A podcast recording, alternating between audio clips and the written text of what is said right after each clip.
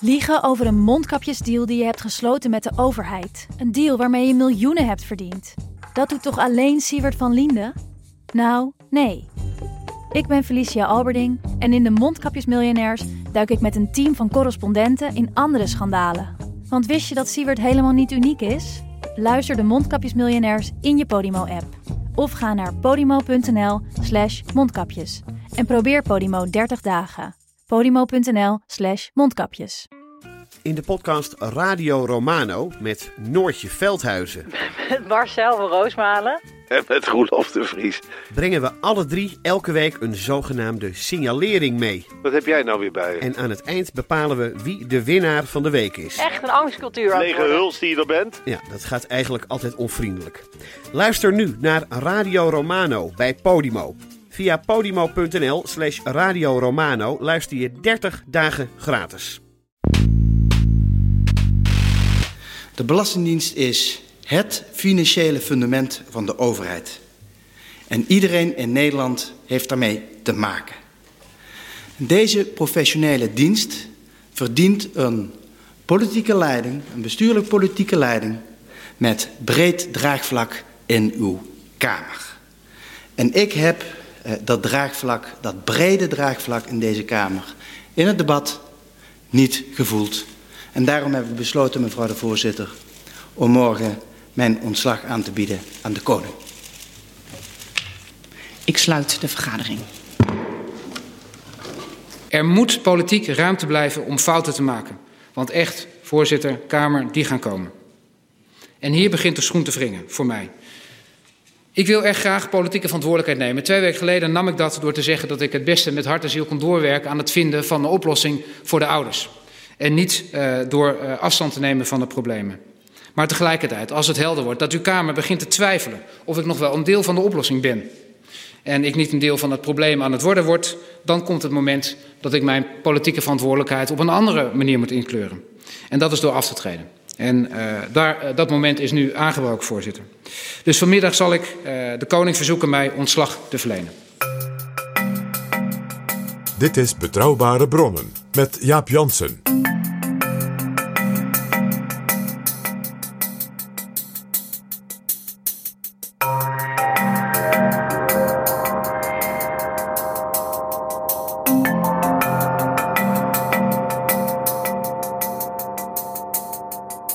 Hallo, welkom in Betrouwbare Bronnen, aflevering 147. In het intro hoorde je twee staatssecretarissen. Frans Wekers, staatssecretaris van Financiën van de VVD, en Menno Snel, staatssecretaris van Financiën van D66. Allebei zijn ze afgetreden ten gevolge van de toeslagenaffaire. Ik ga praten met Jesse Frederik. Welkom Jesse. Hallo. Jij bent redacteur, correspondent bij de journalistieke website De Correspondent. En ook bekend van de Rudy en Freddy Show. Een zeer goed beluisterde podcast over economie en politiek. Hé, hey, waar ken ik dat van? Je partner in crime is daar Rutger Bregman. Lukt het nog te werken met iemand wiens boeken inmiddels in meer dan 30 talen vertaald zijn? Ja hoor, dat gaat prima. Nee, ja, hartstikke leuk voor hem toch. Ja. Ik heb jou uitgenodigd omdat vandaag in de correspondent een groot verhaal van je verschijnt. En later ook nog een boek over de toeslagenaffaire. En omdat aanstaande maandag in de Tweede Kamer de parlementaire ondervragingscommissie kinderopvangtoeslag met haar verhoren begint. Ik heb het hierover in betrouwbare bronnen al een keer gehad, heel uitgebreid. Dat was aflevering 68. De kindertoeslagaffaire, hoe de Belastingdienst willens en wetens duizenden ouders dupeerde. En de affaire kwam ook ter sprake in aflevering 141 met staatssecretaris Hans Veilbrief. Dit is Betrouwbare Bronnen. Jesse Frederik, je verhaal is in veel opzichten interessant. We kennen de vreselijke verhalen van ouders die door een klein foutje in hun opgave aan de Belastingdienst hun hele kindertoeslag met terugwerkende kracht kwijtraakten. Dat kon oplopen tot in de tienduizenden euro's. En omdat er geen opvang meer was, leidde het er soms ook toe dat ze minder of helemaal niet meer konden werken. Een stapeling van ellende. Laten we even luisteren hoe Pieter Klein dat in betrouwbare bronnen omschreef. En die mensen hebben gewoon jarenlang te procederen. Ze zijn gewoon verneukt door de Belastingdienst. Ook als het gaat om bewijsmateriaal. Tot aan de Raad van State aan toe. Dus daar staat de staat staat daar te liegen uh, in procedures tegen, tegen burgers. Ja, veel gekker kun je, kun, je, kun je niet hebben. Het onderzoek heet KAF, maar je zou denken Kafka. Ja, ik denk dat ouders daarin terecht zijn gekomen. Dat was Jan Klein Nijenhuis van Trouw, die samen met Pieter Klein van RTL uh, heel veel onthullingen heeft gedaan in die zaak. Dit zit ook in jouw verhaal, Jesse.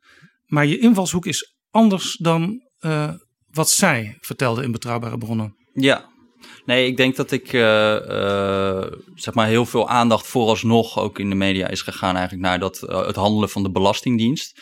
Maar dat handelen van de Belastingdienst komt niet soort van uit, uh, is geen komeetinslag. Dat komt niet zomaar tot stand. Daar zit ook wetgeving achter. Daar zit de, de, de, rechtspraak achter, die uitspraken doet waarin de handelswijze van de Belastingdienst wordt goedgekeurd. En daar zit de Tweede Kamer zelf en de pers ook achter, die zes, zeven jaar geleden heel sterk hebben aangedrongen op strenge bestrijding van elk signaal van misbruik. Uh, dus de, nou ja, dat, die, die kanten die zijn denk ik nog ietsje onderbelicht gebleven. En nou, we krijgen binnenkort de parlementaire verhoren. En daar wordt dat denk ik ook wel wat duidelijker, die kanten van het verhaal. Ja, die beginnen maandag. Mm -hmm. Je hebt nu dat hele lange verhaal in de correspondent, of moet ik zeggen op de correspondent. Mm -hmm. En binnenkort zelfs nog een veel uitgebreider boek. Ik heb beide al van groot deel mogen lezen. Uh, en ik zie het ook eigenlijk wat jij doet een beetje als een uh, tweede luik in dit hele verhaal. Het eerste luik is dan heel erg uh, wat is de ouders overkomen die plotseling hun kindertoeslag niet meer hadden. Sterker nog zelfs helemaal moesten terugbetalen. En jij bent eigenlijk teruggegaan naar de bron. Mhm. Mm -hmm. Naar waar is ooit de wetgeving ontstaan en waarom is die zo gemaakt zoals die was? Ja, dat klopt, ja. Ja, kijk, wat, wat, wat je moet weten bij die kinderopvangtoeslagaffaire, dat is een van de allergrootste problemen die hier speelt, is um, eigenlijk dat er op een gegeven moment uh, werd duidelijk dat als jij, kijk, kinderopvang werkt zo, een gedeelte wordt door de overheid betaald en een gedeelte moet je zelf betalen. De eigen bijdrage heet dat. En er is toen een soort, dat heette alles of niets benadering, is ontstaan. En dat betekent dat als je een gedeelte van die kinderopvangkosten niet hebt betaald, en dat kan zo gek zijn als je hebt 100 euro in een jaar nagelaten te betalen, dan wordt de hele kinderopvangtoeslag teruggevorderd. En dat kan 18.000 euro zijn. Die rechtszaken zijn er. Dat uh, de Belastingdienst in het gelijk wordt gesteld omdat 190 euro niet is betaald, dat er 18.000 euro teruggevorderd mag worden. En het is ook zo dat als je arm bent, dan hoef je geloof maar 7% van het totaal zelf te betalen. Ja, 4%. Dus je krijgt een enorm bedrag uh, van de overheid. En als je rijk bent, dan betaal je zelf veel meer. Ja. Dus eigenlijk hoe armer je bent en het loopt dan mis, je moet dan terugbetalen, dan is het ook wel een extreem groot bedrag. Ja, dus uh, eigenlijk bij de, de, de, uh, de kleinste inkomens krijgen de grootste bedragen aan kinderopvangtoeslag. En ja, als je daar dus een klein foutje maakt, en het is niet alleen zeg maar het niet betalen van de eigen bijdrage. Het kan ook zijn, er staat geen handtekening op de, op de overeenkomst met het gasthouderbureau. Dan, kan er, bestaat er geen overeenkomst, dan bestaat er ook geen recht op kinderopvangtoeslag. Je ziet dat heel veel van dat soort zaken gewoon voor de rechter komen, bij de hoogste rechter van het land. En vervolgens wordt bevestigd dat, uh, ja, dat die werkwijze, dat, dat, dat je dan alles mag terugvorderen. En, en wat je ook ziet, is dat heel veel mensen gewoon zijn opgelicht door hun eigen gasthouderbureau of door hun kinderopvang. En dat in de wet eigenlijk staat, ja, jij bent verantwoordelijk voor de aanvraag van uh, uh, toeslagen. Ja, op dat systeem komen we straks nader terug voordat het hele gedoe met die kindertoeslagen begon, speelde er iets anders in de politiek. Er was op een bepaald moment een onthulling over wat de Bulgarenfraude is gaan heten. Er kwam een fraude aan het licht van mensen die zich in Nederland hadden ingeschreven en in Bulgarije en elders een voor hun doen zeer riant leven leiden met een Nederlandse uitkering. Mm -hmm. De Kamer was geschokt, want dat ben je dan als Kamerlid. Ja. De publieke opinie was geschokt. Een normaal mens denkt natuurlijk, hoe kan dit in hemelsnaam? Columnisten schreven erover. Jij hebt in je verhaal ook dat hele complex in kaart gebracht. Mm -hmm. Dat vind ik ook wel interessante uh, werkwijze. Namelijk het Kamerlid en de minister staan naast uh, bij wijze van spreken Shaila Sitalsing, de columnist en ja, anderen. Ja, ja. Om maar te laten zien hoe de publieke opinie er op dat moment over sprak. En alle partijen, eigenlijk geen enkele uitgezonderd, zeiden de wetgeving moet strenger. Ja, En er moet meer en, meer geïnvesteerd worden in opsporing. Dus ja, je hebt dan op een gegeven moment, ja, misschien kennen mensen die beelden nog wel, dat er in een, in een soort obscuur dorp in Bulgarije, dat er een paar uh, ja, dorpelingen daar staan te wapperen met wat oranje pinpasjes. En ja, die, die blijken dus gewoon Nederlandse toeslagen te krijgen. Ja, dat is natuurlijk ook een beeld wat veel te mooi is om ooit klein te blijven. Dus uh, je krijgt dan heel snel, ontstaat daar een dynamiek van in het vragenuurtje wordt Wekers gevraagd. Wat wist u van deze fraude? Wekers was Frans Wekers, de staatssecretaris toen van Belastingzaken? Ja, correct. die wordt gevraagd van wat wist u nu eigenlijk van deze, van deze Bulgare fraude? En nou, die zegt van nou, ik was persoonlijk niet op de hoogte van deze fraude, maar het, het hele fenomeen is mij natuurlijk bekend van adresfraude. Nou ja, en dat ontstaat een soort hoe dan it van wist hij het nou wel of wist hij het nou niet? Ja, punt is altijd voor een journalist, als je zoiets op het spoor bent, de staatssecretaris zit altijd fout. Want uh, als hij het niet wist, uh, zat hij fout omdat hij het niet wist. En als hij het wel wist, waarom heeft hij niks gedaan? Ja, nou ja, kijk, ik vind hier ook wel sterk de vraag. En dat, dat zegt Wekers dan ook. En dat wordt hem verweten dat hij de boel dan bagatelliseert. Maar hij zegt van ja, uh, ik word niet op de hoogte gesteld van elk strafrechtelijk fraudeonderzoek. En ja, kijk, als je hier achteraf naar kijkt, uh, op een gegeven moment wordt natuurlijk duidelijk, deze fraude gaat over 3,8 miljoen euro in een periode dat er 68 miljard euro aan toeslagen is uitgekeerd. Dat is 0,0006 procent. Ja, uh, dan kan je je ook afvragen: is dat nou een zaak om dat gewoon een jaar lang bijna in de Tweede Kamer constant te bespreken? En daar uh, uh, soort van op een gegeven moment wordt het zo van: uh, waarom is de staatssecretaris nog niet naar Sofia afgereisd om daar bijna persoonlijk dat geld terug te gaan, komen gaan halen? En hij moet elke twee maanden, wordt een motie kamerbreed aangenomen om, moet hij elke twee maanden rapportage leveren over hoe het nu staat met het terughalen van dat geld uit Bulgarije. Ja, en dan komt er dus ook een heel traject op gang waar wetgeving wordt aangescherpt. Dat moet dan heel snel en heel fors. En uh, er wordt geïnvesteerd in het uh, uh, opsporen van toeslagenfraude. Wordt 25 miljoen wordt er geïnvesteerd. En die moet zichzelf ook terugverdienen.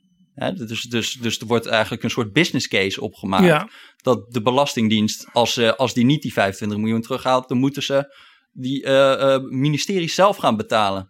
Ja, en, en de, de, de kosten die gemoeid zijn met het optuigen van zo'n heel opsporingssysteem, die zijn in feite groter dan waar het oorspronkelijk mee begon. Ja. Het bedrag waarvoor de Nederlandse overheid getild is. Ja, inderdaad. Ja, en dan, dan is het natuurlijk altijd lastig met fraude. Dan kan je altijd zeggen van ja, maar we zien het niet omdat we nog niet genoeg doen. Maar, topje van de ijsberg. Topje van de ijsberg, hè, dat verhaal. Dus, dus er komt ook in de media, wordt op een gegeven moment wordt, uh, ja, dat is natuurlijk ook opvallend wat er in zo'n ophef ontstaat. Op een gegeven moment wordt het helemaal niet in cijfers aangeduid, maar in bijvoeglijk naamwoorden. Hè. Iedereen valt over elkaar heen in uh, brutale fraude, grootschalige fraude, massale fraude. Maar het wordt niet echt heel erg duidelijk van hoe groot is dit nu op het totaal. Want het is natuurlijk ook zo, als je een systeem hebt als toeslagen, waar 5 miljoen mensen uh, krijgen inkomen elke maand ja, er zal natuurlijk iets verloren gaan aan kwaadwillenden. Ja. En de vraag die je dan moet stellen is dat, eh, hoeveel kunnen we accepteren? Ja, er werd op een bepaald moment ook uh, in de media een uh, miljardenbedrag genoemd. Uh, dat bleek, dat heb jij terug, teruggezocht, afkomstig zijn van Abfacabo-voorzitter toen Corrie van Brenk. Tegenwoordig is zij Kamerlid. En dat miljardenbedrag dat is toen ook weer een eigen leven gaan leiden. Want dat werd toen steeds in allerlei media gebruikt. Ja. Dat stond dus wel heel ver af van die 3,8 miljoen van die Bulgare fraude waar het oorspronkelijk mee begonnen is. Ja, ja wel een, een van de problemen die je krijgt dan is dat fraude op een gegeven moment dat begrip uh, een behoorlijke inflatie onderhevig is. Fraude is strafrecht, is kwaadwillend, is willens en wetens de boel hebben belazerd. En wat er dan op een gegeven moment gebeurt, is dat er steeds grotere cijfers komen. Maar die gaan dan bijvoorbeeld, nou ja, in dit geval, dit, dit cijfer, er circuleert er een cijfer van anderhalf miljard aan toeslagen, uh, uh, wat er nog terugbetaald zou moeten worden. Maar ja, heel veel mensen moeten wel eens toeslagen terugbetalen. Ja, dus alles werd dan eens fraude, terwijl het ook kan uh, vertraging of uh, per ongeluk iets nalatigs hebben gedaan. Ja, en, en eigenlijk uh, bijna altijd is het zoiets. Dus dat mensen het niet hebben begrepen of gewoon een slechte inschatting van hun inkomen hadden. Of ja, dat zijn natuurlijk de, het gros van de terugvorderingen. Fraude is echt een miniem onderdeel van al die, ja. van die hele... RTL had op een gegeven moment een item over Nederland fraudeland. En toen ging het over een schadepost van 8 miljard. En jij hebt teruggezocht en dat bleek oorspronkelijk afkomstig uit een YouTube-filmpje met politiefunctionarissen. Ja. Dus daar was ook een, een soort slag in de lucht gedaan en die is toen ook een eigen leven gaan leiden. Ja, dat ging dan over alle fraude. Hè? Dus niet alleen toeslagenfraude, maar ook zorgfraude. En, uh, maar dat was natuurlijk ook het klimaat in die tijd. Hè? Je had, je had eigenlijk, uh, dat kwam ook wel politiek gelegen natuurlijk. Je had toen de jaren van bezuinigingen. En uh, ja, het was heel lastig om dan te zeggen van ja, we gaan expliciet op de sociale zekerheid gaan we flink korten. Maar het was heel makkelijk om te zeggen, we gaan fraudeurs aanpakken. We ja. gaan mensen die toch al geen recht hebben op, op uh, toeslagen of op bijstand of op. Die gaan we gewoon zorgen dat die ook dat recht niet krijgen. Ja, dat maakte ook dat de hele politiek, zeg maar van aan de ene kant de VVD tot aan de andere kant de SP, die waren ook heel erg gebrand op het aanpakken van die fraude. Dus, dus ook bijvoorbeeld de SP, die natuurlijk in de achterban ook veel mensen heeft, ja, die meteen iets merken van bezuinigingen op, op uitkeringen. Ja, ja, nou ja, dat is dus bij die, die wet aanpak uh, fraude, toeslagen en fiscaliteit. Hè. Dat wordt dan vlak na die Bulgare fraude ingevoerd. Dat is het opvallende natuurlijk, dat dat in een half jaar wordt dat in elkaar geschroefd. En de hele Kamer is daarvoor. Er komt, komt eigenlijk ja, nauwelijks echt daar uh, uh, een soort van respons op. Of van, nou ja, moet dit wel zo snel? En de Raad van State zegt nog, nou jongens, is wel erg snel dit moeten we daar niet even over nadenken? Worden vrij ingrijpende keuzes gemaakt hier? Ja, dat is interessant. De Raad van State, daar komen we straks op terug. Die waarschuwt nu dus tegen snelle invoering van die fraudewet. Ook interessant is in het managementteam fraude dat die hele boel voorbereiden, werd op een gegeven moment gezegd: in potentie worden hier 6 miljoen mensen geraakt. Want er zijn 6 miljoen mensen die op een bepaalde manier afhankelijk zijn of iets te maken hebben met het ontvangen van toeslagen. Mhm. En in de Tweede Kamer waarschuwde staatssecretaris Frans Wekers: de goede zullen onder de kwade lijden. Ja, dat kun je met de kennis van nu kun je dat gerust profetische woorden eh, noemen natuurlijk. Ja, dus dat, het, het wordt ook wel vrij expliciet duidelijk gemaakt van. Uh, ja, dat wordt ook aangegeven vanuit eigenlijk de afdeling toeslagen. Hè, van ja, de grenzen van wat wij kunnen qua handhaving zijn binnen het stelsel wel een beetje worden die bereikt. En nu komen het echt aan op afruilen. Gaan mensen dan echt minder dienstverlening bieden om meer fraudebestrijding te doen? Dus de goede, die zullen daar ook gaan leiden onder de kwade. We gaan veel meer bewijsstukken opvragen voordat mensen hun toeslag gaan krijgen. Ze moeten meer gaan uh, uh, naar de balie gaan komen en dan bewijzen dat ze uh, eigenlijk wel recht hebben op die toeslagen. En anders dan zetten we het gewoon stop. Hè, dat wordt, wordt, wordt gewoon vrij expliciet in de Kamer duidelijk gemaakt. Ja, toch kwam er op een gegeven moment vanuit de politiek tegelijkertijd ook weer een drang om wel die kindertoeslag te gaan uitbetalen. Want op dat punt komen we eigenlijk nu. De kindertoeslagen, dat was een idee van. Het is goed als mensen natuurlijk kinderopvang uh, vergoed kunnen krijgen. Mm -hmm. uh, en met name ook de, de christelijke partijen in de Tweede Kamer zeiden van. Ja, maar dan moeten ook uh, opa en oma die op de kinderen passen, die moeten ook een vergoeding kunnen krijgen. Mm -hmm. Nou ja, hoe organiseer je dat? dat gaat dan via gastouderbureaus. Mm -hmm. Dus daar ja, ontstaat een, een soort van bureaucratie. Dat, dat, kan, dat kan niet anders, want je moet een soort van onafhankelijk uh, bewijs hebben van dat iemand recht heeft op, op toeslag. Nou ja, het punt is natuurlijk in het begin, helemaal aan het begin van het toeslagenstelsel, was er überhaupt die bureaucratie was er nog niet. Dus toen had je eigenlijk alleen een relatie tussen uh, vraagouders, dat zijn mensen die opvang nodig hebben, en gastouders, dat zijn de oppassen, zeg maar, opa en oma in dit geval. En was er dus ook helemaal geen zicht op die geldstromen. Dus bijvoorbeeld, uh, weet jij eigenlijk wel of zo'n ouder dan de eigen bijdrage heeft betaald? Uh, want anders dan is het eigenlijk alleen de overheid die betaalt voor deze hele opvang. Ja, en dan krijg je natuurlijk ook, als je zo'n wet invoert, dat iedereen die, waarbij opa en oma oppast op de kinderen, die gaan natuurlijk even een contractje schrijven van, uh, kunnen wij ook kinderopvangtoeslag krijgen voor, voor deze raad? Dus daar ontstond enorm veel in ieder geval de indruk dat daar veel misbruik van werd gemaakt. En je ziet ook in de cijfers gewoon dat er dan een enorme explosie is van het aantal gastouders. En toen uh, kwamen ze daar eigenlijk pas later achter van, oh shit, wat hebben we eigenlijk, dit hadden we niet voorzien.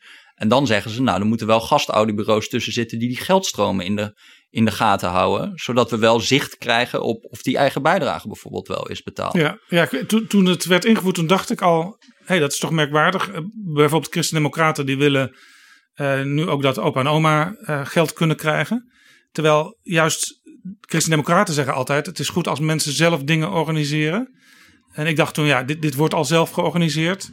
Waarom zou je daar ineens dan nu een soort werk van gaan maken?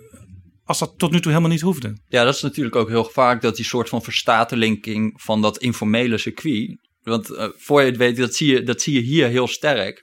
Voor je het weet moet je dan nog meer regels gaan invoeren om dan weer dit soort dingen te, tegen te gaan. Dus dat zie je, je ziet een soort van spiraal van regels op regels op regels ontstaan. Op een gegeven moment moet, proberen ze dus uh, ook een halt toe te roepen aan die hele op, opkomst van al die oppas, opa's en oma's. Door bijvoorbeeld te gaan eisen dat je dan wel een kinder-EHBO-diploma nodig hebt. En, een, en je moet wel een veiligheidsplan hebben, een vluchtplan.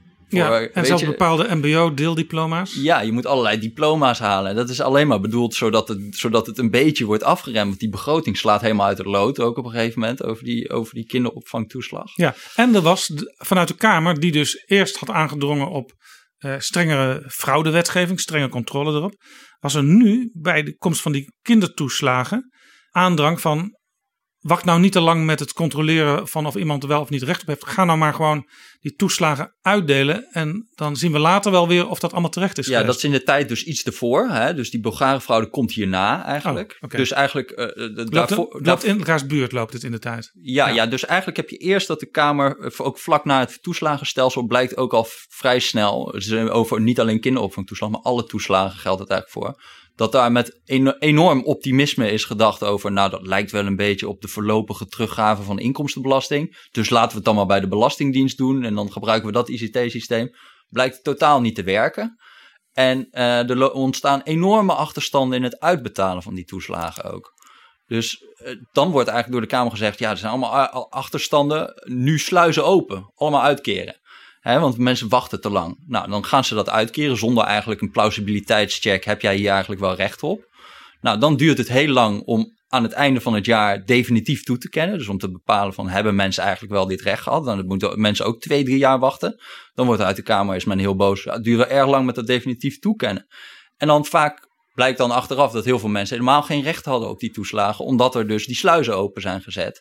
En dan is het weer fraudebestrijding en uh, dus je ziet een soort pendule hier ook. En heel vaak komt dat ook voort uit politieke wensen. Het is niet gek dat, het, zeg maar, dat, dat, dat dit soort dingen zich dan voordoen. Als, dat je de, als jij vraagt sluizen open zonder check of mensen daar recht op hebben. Ja. Ja, en waarom duurt het soms twee à drie jaar voordat echt duidelijk was of iemand er recht op had? Omdat er ook bezuinigd werd op het personeel van de Belastingdienst. Althans, er kwamen nieuwe wetten, nieuwe uitvoeringsmethoden, uh, waar de Belastingdienst voor verantwoordelijk was. Uh, maar er kwamen niet meteen evenredig voldoende ambtenaren bij. Ja, en in die beginjaren van toeslagen is dus heel erg sterk het probleem. Er ligt geen ICT-systeem. Dus pas in 2011, en dan zijn we echt zes jaar of zo onderweg, ligt daar een functionerend ICT-systeem. Vanaf dat jaar kunnen ze uh, dan beginnen ze ook in, in, in, in, in twee jaar tijd, werken ze drie jaar aan toeslagen weg daar. Aan, uh, aan toeslagtoekenningen. Dus daar is gewoon met een enorm optimisme is dat uh, toeslagensysteem opgezet, zonder dat dat in de uitvoering nog helemaal ging werken. En nou ja, en daar, van daaruit ontstaan ook heel veel problemen. Vanuit, het, vanuit dat, dat er jarenlang eigenlijk een niet werkend ICT-systeem was, krijg je bijvoorbeeld, omdat ze heel snel al die toeslagen, uh, drie jaar aan toeslagen uh, wegwerken, krijg je ook drie jaar aan bezwaarschriften. Wat dan ook weer een probleem gaat opleveren, omdat er een enorm stuw meer aan bezwaarschriften ontstaan die weer heel lang wachten op behandeling. En je ziet daarin eigenlijk dat de rol van de Kamer en van de politiek ook vaak is van ze geven een richting aan, maar ze zijn niet zo heel erg sterk bezig met hoe moet dit nou in de uitvoering allemaal uitgevoerd worden. Daar is heel weinig interesse in. En daar en in die uitvoering, daar wordt heel duidelijk wat de afruilen zijn elke keer. Je kan wel fraudebestrijding vragen, maar dan gaan, we, dan gaan ook de goede daaronder lijden. Je kunt wel heel veel dienstverlening vragen, maar dan, of je kan wel zeggen, we moeten nu uitkeren al die toeslagen. Maar dan kan aan het eind van het jaar blijken dat mensen ook misschien niet daar recht op hadden. en dat, uh, ja, dat, je ziet heel sterk dat daar gewoon eigenlijk niet, uh, niet naar wordt geluisterd. Of dat, uh, dat men dan drie jaar later gewoon weer precies de andere kant op uh, beweegt. Ja, de Raad van State waarschuwde voor snelle invoering. Als je nou teruggaat naar de wetgeving. Mm -hmm. je zei al, als iemand ergens een klein foutje heeft gemaakt, dat kan ook gewoon zijn omdat iemand iets niet begrepen heeft dan zegt de wet: je moet het hele bedrag, de hele toeslag terugbetalen. Ja. Dat kan er dus toe leiden dat als je bij wijze van spreken 192 euro ergens uh, niet goed hebt ingevuld of hebt vergeten in te vullen, uh, dat je 18.000 euro uh, terug moet betalen van de afgelopen jaren. Klopt, ja. En nou ja, dat kan bijna niemand terugbetalen. Zeker niet als je maar een heel klein inkomen hebt. Eigenlijk ging het dus op, papier al mis voordat er ook maar iemand ergens een toeslag had ontvangen. Ja, maar daar zit, daar zit ook nog de ingewikkeldheid in dat dit. Kijk, als we even teruggaan naar 2005, toen werd dus die wet eigenlijk uh, uh, ingevoerd op de, op de uitvoering van toeslagen. Wat er heel vaak zit in sociale zekerheidswetten, is bijvoorbeeld, dat heet dan een algemene hardheidsclausule. Dat betekent als mensen eigenlijk geraakt worden, nou ja, op een manier die eigenlijk duidelijk niet de bedoeling is van de wet, dan mag je altijd nog een soort van uitzondering maken. Dan mag je mensen bijvoorbeeld toch toeslagen geven, of toch bijstand geven, of toch. Dus dan mag je het toch toekennen. Ja, dat noemen ze in de ambtenarij ook wel crepeergevallen. Ja, precies. Ja. En in, in, in het eerste, in, in het wetsvoorstel, stond, stond zo'n algemene hardheidsclausule. Toen was, werd gedacht van ja, is toch wel lastig, maatwerk en menselijke maat. Van, dit zijn massale processen natuurlijk. We moeten 5 miljoen mensen van inkomen voorzien uh, met 900 man personeel bij uh, toeslagen. Ja, dus eigenlijk niet te doen, want er komen altijd veel klachten, veel problemen. Dat kunnen we gewoon ook niet aan. Ja, het is ingewikkeld en het maakt het weer vaag. En uh, we willen heldere criteria als dit, dan dat. Weet je wel, dingen die door een computer kunnen worden gedaan in principe. En terwijl de Raad van State ook daar adviseert, ja, je moet wel zo'n algemene hardheidsclausule in de wet, dat hoort wel bij zo'n wet. Nou, dat wordt dus niet gedaan. Het is grappig dat Pieter Omtzigt, Tweede Kamerlid CDA. Tweede Kamerlid van de CDA, toen nog uh, vrij kort in de Tweede Kamer, die dient nog wel een amendement in, waarin hij eigenlijk voorstelt van, nou, breng hem toch weer in de wet, zo'n algemene hardheidsclausule. En dan zegt zijn eigen staatssecretaris Joop Wijn, zegt van, nou, liever niet. Ja, daar is dus druk vanuit zijn eigen partij. Ja, en dan trekt hij hem weer in. Uh, en dat is eigenlijk een vrij. Ja, het zijn kleine dingen die in de tijd natuurlijk helemaal niet opvallen of zo. Maar nee, waarschijnlijk heeft ook geen krant daar toen over geschreven. Nee, natuurlijk niet. Algemene hardheidsclausule, dat is. Uh, dan gaan we gelijk door naar de sportpagina natuurlijk. maar. Uh, ja, kijk, ja, dat is natuurlijk in het licht van nu, nu, nu we het over een toeslagenaffaire hebben had dat natuurlijk wel behoorlijk wat uitgemaakt. Als je voor die, want, want heel veel mensen zijn later natuurlijk gaan zeggen van ja, zo'n geval waar je 190 euro niet betaalt en 18.000 euro terug moet betalen. Uh, is, dat nou de, is dat nou wat we willen? Dat is wel erg bar. Maar goed, er wordt, uh, uh, ja, er wordt in ieder geval gedacht dat dat zo in de wet staat. Ja. Je, zei net al, de Raad van State had er wel voor gepleit, voor zo'n hardheidsclausule. Mm -hmm. Ook een beetje vanuit het idee, de Raad van State als adviseur van de regering. Uh, ja, zo doen we dat eigenlijk altijd bij dit soort uh, ingewikkelde wetten. Waar best de uitwerking wel eens anders kan zijn dan vooraf door de wetgever uh, bedacht. Mm -hmm. Als later de Raad van State rechtszaken krijgt van mensen die vinden dat ze onheus behandeld zijn door de overheid, dan zegt de Raad van State wel steeds, moet hier even onderscheid maken tussen de Raad van State als adviseur van de Juist, regering ja. en de Raad van State als rechtsspreker, uh, waar ook weer andere leden uh, van de Raad van State in functioneren. Maar dan zegt de Raad van State altijd, ja, de wet is hier wel toegepast zoals de wet op papier staat. Ja, en dat is eigenlijk ook nog heel raar en opvallend. Want eigenlijk is die wet op dit punt, hè, die alles of niets benadering, wat dus een enorm probleem wordt. Als je een gedeelte van de kosten niet hebt betaald, dan moet je alles terugbetalen. Is helemaal niet zo vreselijk duidelijk. Er staat niet ergens een of andere wetsartikel waarin staat: gij zult eigen bijdrage betalen, gij zult alle kinderopvangkosten maken. Dat staat er niet. Uh, dat is een soort van uitleg van de wet die een beetje uh, opkomt op het moment dat je dus in het begin van die kinderopvangtoeslagjaren heel veel misbruik, of in ieder geval waar heel veel ouders hebt die uh, met van die opa-oma constructies komen, waar geen eigen bijdrage wordt betaald. En dan wordt een lijn gekozen. Nou, dat moeten we hard bestrijden. Daar gaat ook de Raad van State, die gaat daarin mee. Die zegt van, nou, als je een gedeelte van de kosten niet hebt betaald, dan mag je inderdaad het hele bedrag terugvorderen.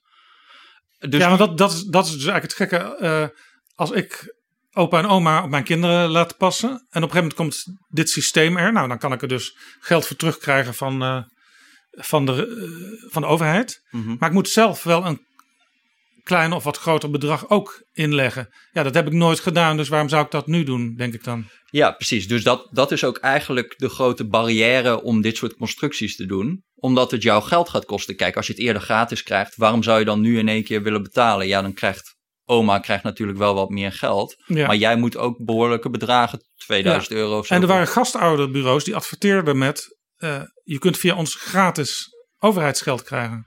Ja, precies. Dus er werden een heleboel soort van ondernemende bureautjes kwamen in die tijd op. Die dan, die dan zeggen van nou, we gaan eventjes eh oppas oma's omkatten tot gastouders. En dan, Ja. en dan, dan, dan maar die vertelden dus eigenlijk niet het hele verhaal aan de klanten. Nee. En eh, die, die zeiden dus, eh, dus, die beweerden vaak, ja, dit is gratis kinderopvang.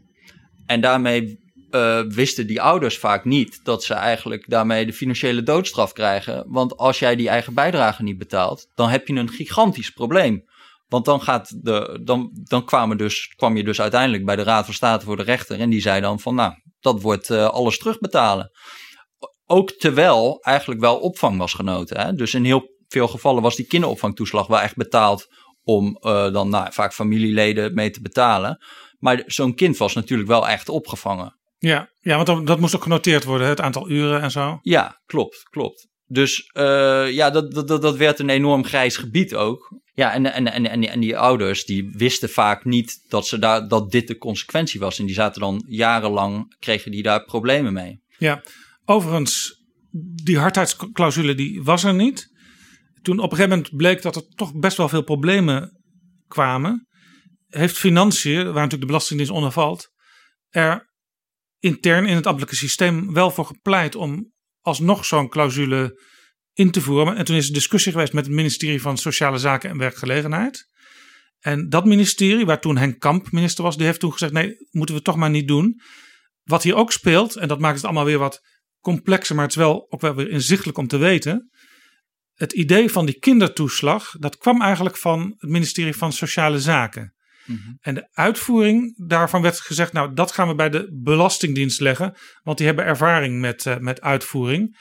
Eh, het is overigens de vraag achteraf of dat niet een misverstand is geweest, want de Belastingdienst is heel goed in het innen van geld, maar blijkbaar niet meteen ook heel erg goed in het uitdelen van geld. Nee, dat klopt. Nee, en dit, dit maakt ook het hele dossier heel ingewikkeld. Je hebt eigenlijk de uitvoering ligt bij de Belastingdienst eh, en, en, en de verantwoordelijke voor de wetgeving. Dat zijn vaak dus, eh, nou ja, bij de huurtoeslag is dat Binnenlandse Zaken, ik weet niet wie het nu is. In de tijd was het eh, eh, zorgtoeslag is natuurlijk eh, volksgezondheid. En dan heb je bij de kinderopvangtoeslag is dat sociale zaken en werkgelegenheid. Ja, en de tragiek voor de Belastingdienst is dat als er problemen ontstaan, komt altijd de Belastingdienst in beeld en niet die andere betrokkenen. Nee, en dat is natuurlijk eigenlijk.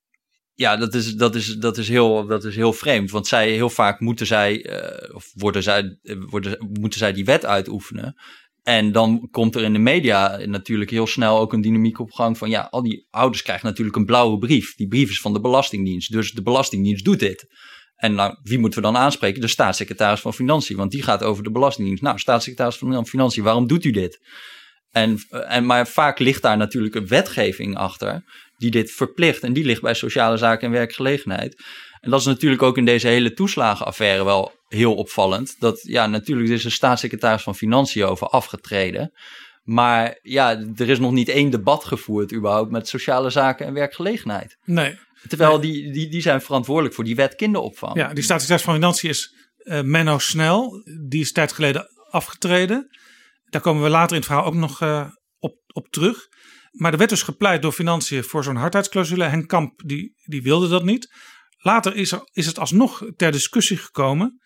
Uh, toen was inmiddels uh, Lodewijk Asscher van de Partij van de Arbeid minister van Sociale Zaken.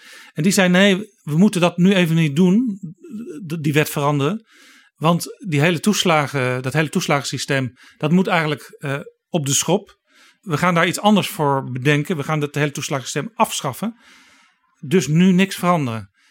En daar hebben we vervolgens in die hele periode Asscher uh, en ook Tamara van Ark, VVD-staatssecretaris die erbij betrokken was, uh, niks meer over gehoord. Nee, dat klopt. Nou ja, dat is dus wel het, het diep tragische. Kijk, er wordt vanuit de Belastingdienst niet eens zozeer vanuit het ministerie van Financiën, dat zijn de mensen van het beleid. Maar vanuit de Belastingdienst wordt gezegd het wordt wel erg bar nu. Hè? We zijn gewoon bij van die ouders, die gaan helemaal de vernieling in, terwijl ze echt niet echt van iets weten. Ja. En uh, wij willen eigenlijk wel een uh, uh, soort van daar maatwerk kunnen bieden. Ja. Nog, een, nog, een, nog even inzoomen, want je zegt, je hebt het ministerie van Financiën en je hebt de Belastingdienst. De Belastingdienst mm -hmm. valt onder Financiën. Mm -hmm. Maar er is een enorm verschil tussen de werkvloer en de beleidsambtenaren.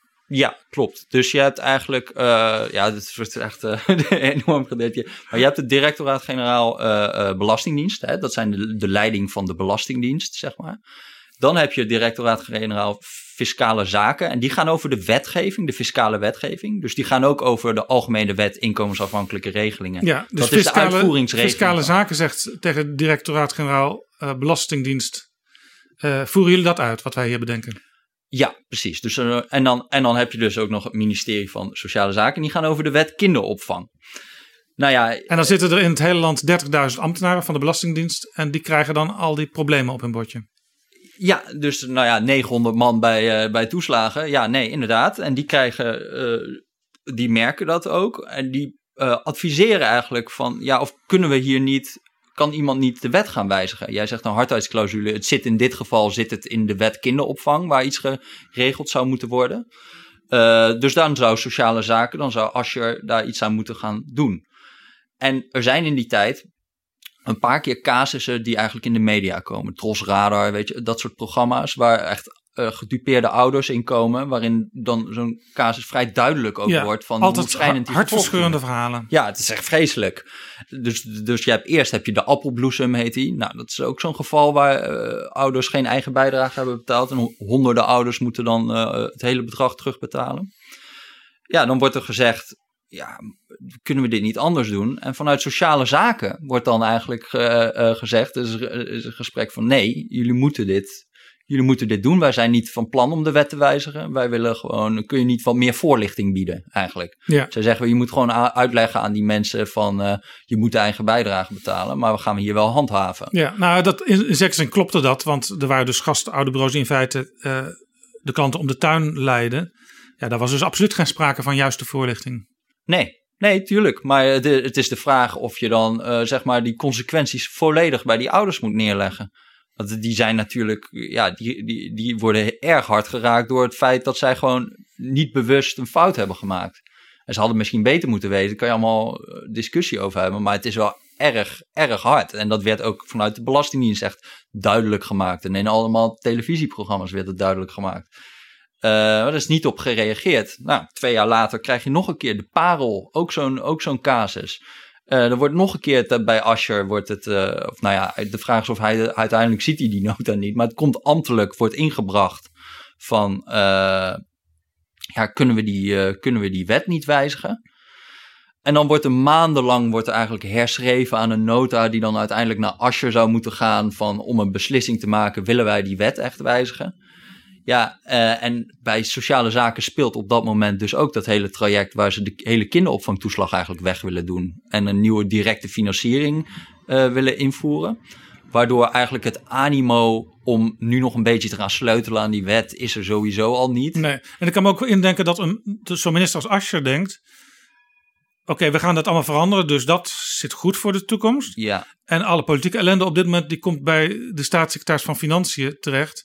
Dus ik hoef er niet voor naar de Tweede Kamer. Nee, dus de urgentie is sowieso tamelijk laag, omdat de ophef zich vaak richt op de uh, staatssecretaris van Financiën en niet op sociale zaken. Dan heb je ook nog dus het probleem dat ze al met een of ander monsterproject bezig zijn en niet, nou niet denken van nou laten we dan nog maar eens even gaan sleutelen aan die oude wet. En uh, wat er ook speelt is dat er in die tijd in één keer weer reportages komen over fraude bij gastouderbureaus uh, uh, van RTL. En nadat die reportage komt, is de Tweede Kamer weer geschokt. Van nou, fraude bij gasthoudersbureau. Wat, gaat de minister doen en wat gaat de staatssecretaris doen? En uh, vanaf dat moment uh, uh, wordt er eigenlijk niks meer vernomen, ook van dat hele traject, om iets te gaan doen aan die wetgeving. Dus er wordt nog, werd, werd aan een nota geschreven. Die nota wordt de archieven ingelanceerd en daar wordt nooit meer iets van vernomen. Ja, en als later toch die schrijnende gevallen weer heel erg opspelen, uh, dan wordt de Tweede Kamer weer boos. Nu niet over het feit dat er fraude is gepleegd tussen aanhalingstekens, uh, maar juist over het feit dat mensen gedupeerd zijn. Ja. Uh, de ombudsman is ook boos, want die krijgt natuurlijk ook heel veel gevallen op zijn bordje. En staatssecretaris Wekers die, die wijst er dan op, ja, u wilde toch fraudebestrijding. Dus de staatssecretaris geeft eigenlijk aan, is het wel een soort paradox in hoe de Kamer met dit soort wetten omgaat. Ja, nu gaan we dus weer terug naar 2013, eigenlijk de val van Wekers, waarbij heel vaak, dat vind ik ook opvallend, in de geschiedschrijving wordt gezegd, hij viel over de Bulgarenfraude. Nou, dat is dus eigenlijk niet zo. Hij heeft een debat over de Bulgarenfraude, waarin twee weken voordat hij valt, waarin hem eigenlijk nog wordt verweten, je doet te weinig, ga je nog Bulgaars leren en dat geld terughalen, bij wijze van spreken. Uh, en hij moet dan, wordt ook een motie met algemene stemmen aangenomen, dat hij dus elke twee maanden moet gaan berichten over de vorderingen op het fraudedossier. En twee weken later uh, wordt in één keer duidelijk van, hij heeft een antifraudemaatregel genomen, de zogenaamde één bankrekening maatregel. Waarbij eigenlijk elke, iedereen nog maar één bankrekeningnummer mag aangeven bij de Belastingdienst. Ja, zodat het een beetje te vergelijken is. Ja, en dat het die op je eigen naam staat. Dat is cruciaal. Want je ziet ook in heel veel van die fraudegevallen uh, dat, dat het eigenlijk het geld rechtstreeks naar de rekening van zo'n gasthouderbureau gaat. En dat die ouders het niet eens zien. En dan zo'n gasthouderbureau gaat dan, uh, heeft dan bijvoorbeeld de DigiD van zo'n ouder. En die gaat dan extra veel kinderopvangtoeslag Ja, dus er liggen ineens 200 DigiD-nummers uh, bij zo'n bureau. Ja, precies. En dan, en, dan, en dan wordt daar ernstig misbruik van gemaakt. Zonder het medeweten ook van die ouders. Dus het is een hele goede maatregel, die eenbankringmaatregel. Daar gaat het niet om. Maar dat wordt in een rap tempo, wordt dat naar de Bulgare fraude, uh, nou, was geadviseerd, neem daar wel lang de tijd voor. Hè. Mensen moeten de tijd hebben om aan te geven van uh, wat is mijn bankrekeningnummer nu eigenlijk. Uh, er was gezegd van nou doe dat tot 1 januari 2016. Maar omdat er zo'n druk op staat dan op, om fraudebestrijding, wordt dat 1 december 2013. Nou, dan blijkt heel snel dat er uh, tienduizenden uh, mensen uh, geen toeslagen krijgen opeens, omdat ze hun nog geen informatie hebben aangeleverd. En dan in één keer is de Tweede Kamer is weer twee weken nadat ze eigenlijk hebben gezegd, wordt er nog wat gedaan aan fraude, zijn ze weer helemaal de andere kant op van, nou, de, de, de staatssecretaris heeft het weer allemaal niet begrepen. Uh, en uh, er wordt, wordt, wordt nu, waarom krijgen mensen geen toeslagen meer? Ja, je schrijft het heel, heel helder op in je verhaal. Ik citeer: Kamerleden zijn boos, maar slecht op de hoogte van concrete gevolgen van hun eigen wensen. Vervolgens krijgen bewindslieden daar de schuld van. Ja, nou ja, inderdaad. Dus het is, het is, het is, uh, ja, het is, het, is, het, is, het is natuurlijk vrij makkelijk om elke keer als er iets misgaat, om dan te zeggen van uh, waarom gaat het mis? Dat is natuurlijk ook een vanzelfsprekende res respons. Maar je moet dan toch op een gegeven moment ook je eigen verantwoordelijkheid nemen. En eens nadenken over, ja, hebben wij eigenlijk wel nagedacht over al die afruilen? Dit is Betrouwbare Bronnen. Er wordt, wordt vaak gezegd, we hadden het er net eigenlijk ook al over, Kamerleden hebben te weinig oog voor uitvoering. Maar die uitvoering die liep vast omdat de wet niet deugde. En naar die wet keek al helemaal niemand meer om. Nee, nee, nee, dat klopt. Nee. En, uh, en dat is natuurlijk ook ja, soort van bekend fenomeen in de, in de Kamer. Dat er uh, bij zo'n incident, dan, dan, dan, dan zijn er natuurlijk zijn alle fracties in één keer aanwezig. Maar als er een technische briefing is over een, een wetsvoorstel, nou, dan komen er misschien drie mensen opdagen. En dat, terwijl het op dat moment gaat het erom. Op dat moment kan jij echt impact hebben en kan jij kan jij uh, zorgen dat, dit soort, dat we niet over vier jaar weer ergens in een, in een, in een hoorzitting zitten om het over het incident te hebben. Je moet het voorkomen, niet, niet de hele tijd reageren op wat er dan al is gebeurd. Ja, overigens, Pieter Omtzigt, zijn naam viel al, die heeft afgelopen week in een gesprek met een commissie die over de, die de uitvoering van allerlei wetten nu aan het onderzoeken is, heeft hij iets gezegd over uh, de betrokkenheid van Kamerleden bij wetgeving. Laten we even luisteren. Ja. En wij zullen dus uh, met z'n allen echt meer tijd moeten uittrekken voor serieuze wetgeving. Dat is onze kerntaak. Ja. En minder tijd om, als u rechts bent, de Telegraaf als zaterdagmorgen uit de bus te halen. En om vijf over zes morgens um, uh, een mailtje te sturen dat je Kamervragen wilt stellen. En als je iets linkser bent, misschien de Volkskrant. Maar dat is geen manier van controleren. Controleren is het moeilijke, harde werk tijdens het belastingplan. Ja. Het tweede is, wij zouden misschien wel eens een keer tegen een wet moeten stemmen als wij niet begrijpen wat er in die wet staat.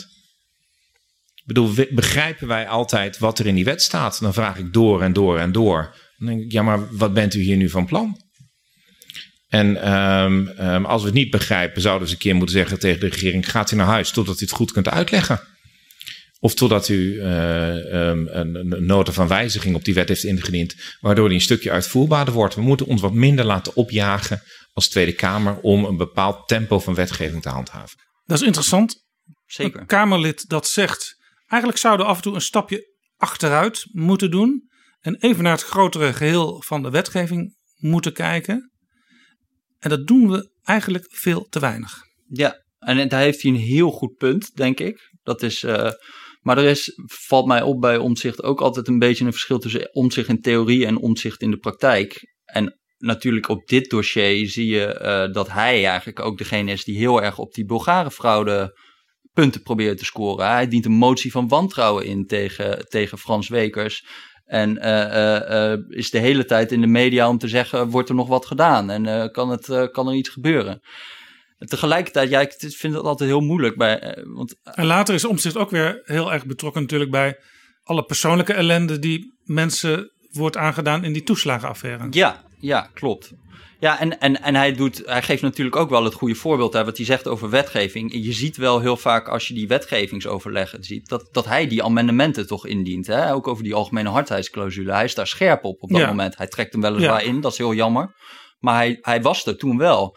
En dat is ook zo bijvoorbeeld bij die wet aanpak fraude, uh, uh, toeslagen en fiscaliteit, vlak na die Bulgare fraude hij heeft de hele tijd zitten zeggen van fraude is een enorm probleem, wordt er nog wat gedaan en uh, weet ik het. Maar hij staat er wel op het moment dat die wetgeving wordt ingevoerd, wanneer alle andere Kamerleden al weg zijn. En dan dient hij ook drie amendementen in, die eigenlijk een klein beetje de harde kantjes eraf proberen te halen. Nou moet, moet ik zeggen, had niet heel veel uitgemaakt hoor, of uh, als die amendementen waren overgenomen. Maar hij staat er in ieder geval wel. Ja, ja, ja je kunt verschillende dingen over omzicht zeggen. Uh, hij is wel een Kamerlid dat ook aan detail kijkt naar wetgeving en al probeert na te denken over de consequenties die het in de uitvoering kan hebben. Uh, maar ook hij klaagt vaak van ja, ik kan dat in mijn eentje allemaal niet doen en uh, ik wil eigenlijk meer collega's die dat ook doen. Uh, tegelijkertijd was hij natuurlijk ook betrokken bij het aanjagen oorspronkelijk van fraudeaanpak, dit en dat en hard en no mercy voor mensen die, die iets met fraude van doen hebben. En aan de andere kant ook weer toen het zo hard werd uitgevoerd dat bijna alles onder fraude viel, ja, toen was het natuurlijk ook weer niet goed. En toen stond Omtzigt ook vooraan. Ja, nee, dat klopt. Ja, ik vind altijd een soort van contrast tussen. Ik vind zijn wetgevende rol vind ik altijd super sterk. Dus inderdaad, wat ik zeg, hè, dat hij dan bij die amendementen er gewoon is en echt zijn, zijn huiswerk heel goed doet. Maar ik vind hem altijd in die controlerende rol vind ik hem altijd lastig, omdat het heel snel heeft hij het idee dat mensen allerlei dingen voor hem proberen achter te houden en dat uh, documenten niet komen. Kijk, dat is ook natuurlijk in die Bulgare fraude. Is hij daar ook de hele tijd op van? Kunt, uh, de, de, de staatssecretaris moet een feitenrelaas geven over fraude in de gemeente Bronkhorst. En hij, moet, uh, hij moet een feitenrelaas geven over de hele Bulgare fraude. Een tijdlijn over dit. En weet je, er komt een eindeloze stroom van informatieverzoeken van, van hem. En het punt van die informatieverzoeken is volgens mij niet zozeer de informatie maar vooral om te zeggen: ik vind dit heel belangrijk. En ik vind die kant van hem, uh, vind ik persoonlijk niet zo sterk. Uh, terwijl dat volgens mij wel de kant is die het best wordt gewaardeerd in de media. En daar zit een, denk ik, iets ingewikkelds. Want ik vind het, als hij dit soort verhalen houdt, zoals voor zo'n uh, commissie over wetgeving, ja, dat vind ik heel sterk. Maar dat, ligt er, dat moet ook beter gewaardeerd worden door, uh, door media en zo, als, als, als, als ja, Kamerleden. De, de, de media die zijn vooral heel blij vaak met het Robin Hood-achtige karakter van Kamerleden. Zo van, wij komen op voor de kleine verdrukte uh, mensen. Ja, of, of zo'n zo zo'n soort ding van... Uh, uh, nou, iemand, een, een, een, journalist heeft een artikel geschreven... en een, een, een Kamerlid is geschokt en stelt Kamervragen... en gaat nog eens een feitenrelaas en een actierelaas... en dan weet ik het allemaal opvragen. Maar en, ik, en ik inderdaad, elke twee maanden rapportage... waarvan je bijna van tevoren al weet... daar komt zo'n staatssecretaris nooit goed uit. Dus dan is het weer publicitair feest. Ja, dus dat, het is ook elke keer als er zo'n nieuw document komt, dan blijft het druppelen. En dat werkt natuurlijk mediatechnisch heel sterk. Van de hele tijd die informatie opvragen. Elke keer denk, denk je als medium en ook als lezer en als kijker. Zie je wel, ik had het al wel gedacht. Ja, dus elke keer iets nieuws waar je dan weer aandacht aan kan geven. Wat dat betreft is dat überhaupt media unieker. De hele tijd zo'n soort who done it van we gaan de hele tijd informatie opvragen in plaats van een wet een wet is ongeveer minst mediagenieke wat je kan voorstellen. Er komt één keer zo'n zo'n pak papier met een memorie van toelichting en allemaal ingewikkelde dingen. Ja, en dan, tragiek is ook vaak dat mensen die jarenlang aan wetgeving werken. Ik noem maar iets wat ook saai klinkt: het Algemeen eh, Burgerlijk Wetboek. Ja, dat kost acht jaar of zo voordat je dat helemaal vernieuwt. Eh, Zo'n Kamerlid wordt vaak do- door de eigen partij niet eens gewaardeerd en staat de volgende keer eh, niet op de lijst of op een hele lage plaats. Ja. Want ja, we zagen jou nooit in Nieuwsuur. Ja, nou ja, precies. Dus dat, dat is volgens mij, eh, ik kreeg me het uitgelegd als zichtbaarheid. Dat is een soort technische term. Je moet wel zichtbaar zijn. En jij, het punt is natuurlijk, je wordt niet zichtbaar met wetgeving. Want eh, eh, ik had ook een interessante studie van een politicoloog. Die had dat maar, ik geloof, één op de vijf Nederlandse wetten überhaupt een artikel in een landelijk dagblad krijgen. Dat er iets over wordt geschreven. En maar één op de. 1 op de 10 geloof ik meer dan, eh, meer dan vijf artikelen. Ja, wat. Ook, wat ook interessant was, Simon Otjes, ook een politicoloog, die heeft berekend dat op een bepaald moment werden er in de Tweede Kamer het systeem ingevoerd van spoeddebatten. Juist. Dat betekent dat 30 leden die konden een debat aanvragen, dat moest dan heel snel ingeroosterd worden. Nou, dat was zo'n succes dat er hele lange lijsten van spoeddebatten kwamen. Dus Ja. dat woord spoeddebat is afgeschaft en dat heet nu gewoon 30 leden debat. Ja, klopt, ja. En Dat betekent dat soms eh, na acht maanden staan er nog dingen op de rol die acht maanden geleden aangevraagd zijn. Vaak worden ze dan ook weer geschrapt. Maar voordat dat systeem werd ingevoerd, werd 20% van de debatagenda in de Tweede Kamer door de oppositie bepaald. En 60% is het sindsdien geworden. En dat zijn vaak herhalingen van zetten, al die debatjes. Want die gaan steeds over iets wat weer gelekt is. En waar nog geen definitieve oplossing voor is. Ja, en vaak ook gewoon debatten waar eigenlijk al heel erg wordt geschreeuwd om een oplossing, maar nog niet zo duidelijk is wat nu eigenlijk het probleem is. Dus er wordt, wordt dan heel extreem, eh, eh, gewoon wat gaat de staatssecretaris doen aan... Maar ja, er moet juist vertraging zijn in die Tweede Kamer. En dit is allemaal een soort van versnelling van er moet heel Ja, snel... En dit heeft, dit heeft Omtzigt dus wel door. Want hij zegt, je moet niet op zaterdagochtend met de Telegraaf of met de Volkskrant in je hand meteen naar de Griffie gaan om een eh, spoeddebat aan te vragen. Ja. Eh, maar ook hij handelt er zelf niet altijd naar. Nou ja, ik, ik- dat, maar dat is ook heel lastig. Hè. Dan moeten we ook niet. Ik wil dat niet op personen gaan betrekken, heel erg. Want het is Nee. echt lastig om in het moment. eh Het is een soort maalstroom waar je als Kamerlid al gauw in terecht komt. Ja, en, en, en, en, en ik bedoel, heel veel mensen hebben dit door. Ze zeggen het allemaal. Maar het is de punt, hoe brengen we dit in de praktijk? Hoe zorgen we dat dit nou een keer goed gaat? Een mooi voorbeeld vind ik ook altijd die hele, dat hele belastingplan. Hè? Dus je hebt, elk jaar heb je, eh, heb je weer hetzelfde liedje. Dat er een enorm pak wetgeving, dat heet dan een belastingplan. Ook overigens heel weinig aandacht voor altijd. Dat had om zich, dat geloof ik ook over tijdens die verhoren. Eh, waar eigenlijk eh, nou, met miljarden aan dingen wordt, ge- belastinggeld wordt geschoven. Allemaal, allemaal wijzigingen. En er komen in één keer, ik geloof 2019 was de grootste ooit. komen er 60 wetswijzigingen. En die moeten echt in een maand of zo moet dat een beetje behandeld worden. En moet dat eh, er doorheen gedaan. En er wordt dan aan het eind van die hele wetbehandeling wordt er champagne gedronken bij de beleidsambtenaren. Ja. Terwijl dan op een gegeven moment de mensen op de werkvloer die denken van... jongen, jongen, dit moeten wij allemaal weer gaan uitvoeren. Hoe kunnen we dat in godsnaam gaan doen? Ja, dus dat is ook nog. Hè, dus eh, eh, eh, bij, de, bij de Belastingdienst hebben ze al heel lang hebben ze echt de pest in hoe groot die belastingplannen elke keer zijn. Want er komt weer een bakbeleid. En, dan, en, en zeg maar, die moeten dat allemaal in de ICT ook regelen. Nou, die hele portfolio zit al helemaal vol met alleen maar beleidswijzigingen en de boel in de lucht houden.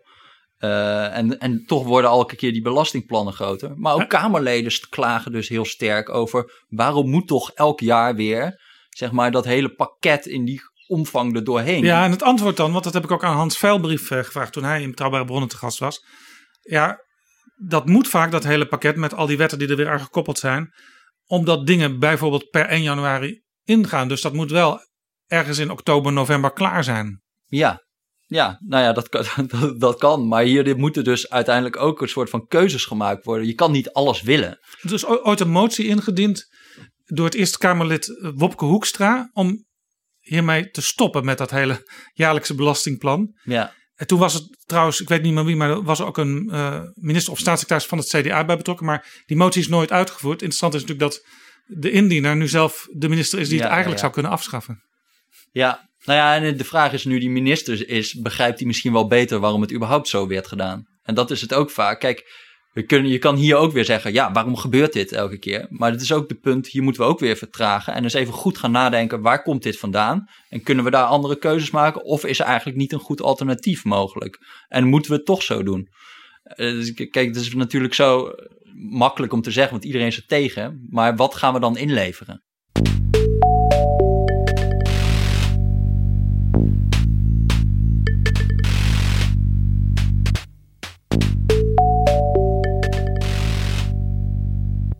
Laten we nog even focussen op die kindertoeslagaffaire die op een gegeven moment in 2017 echt losbarst.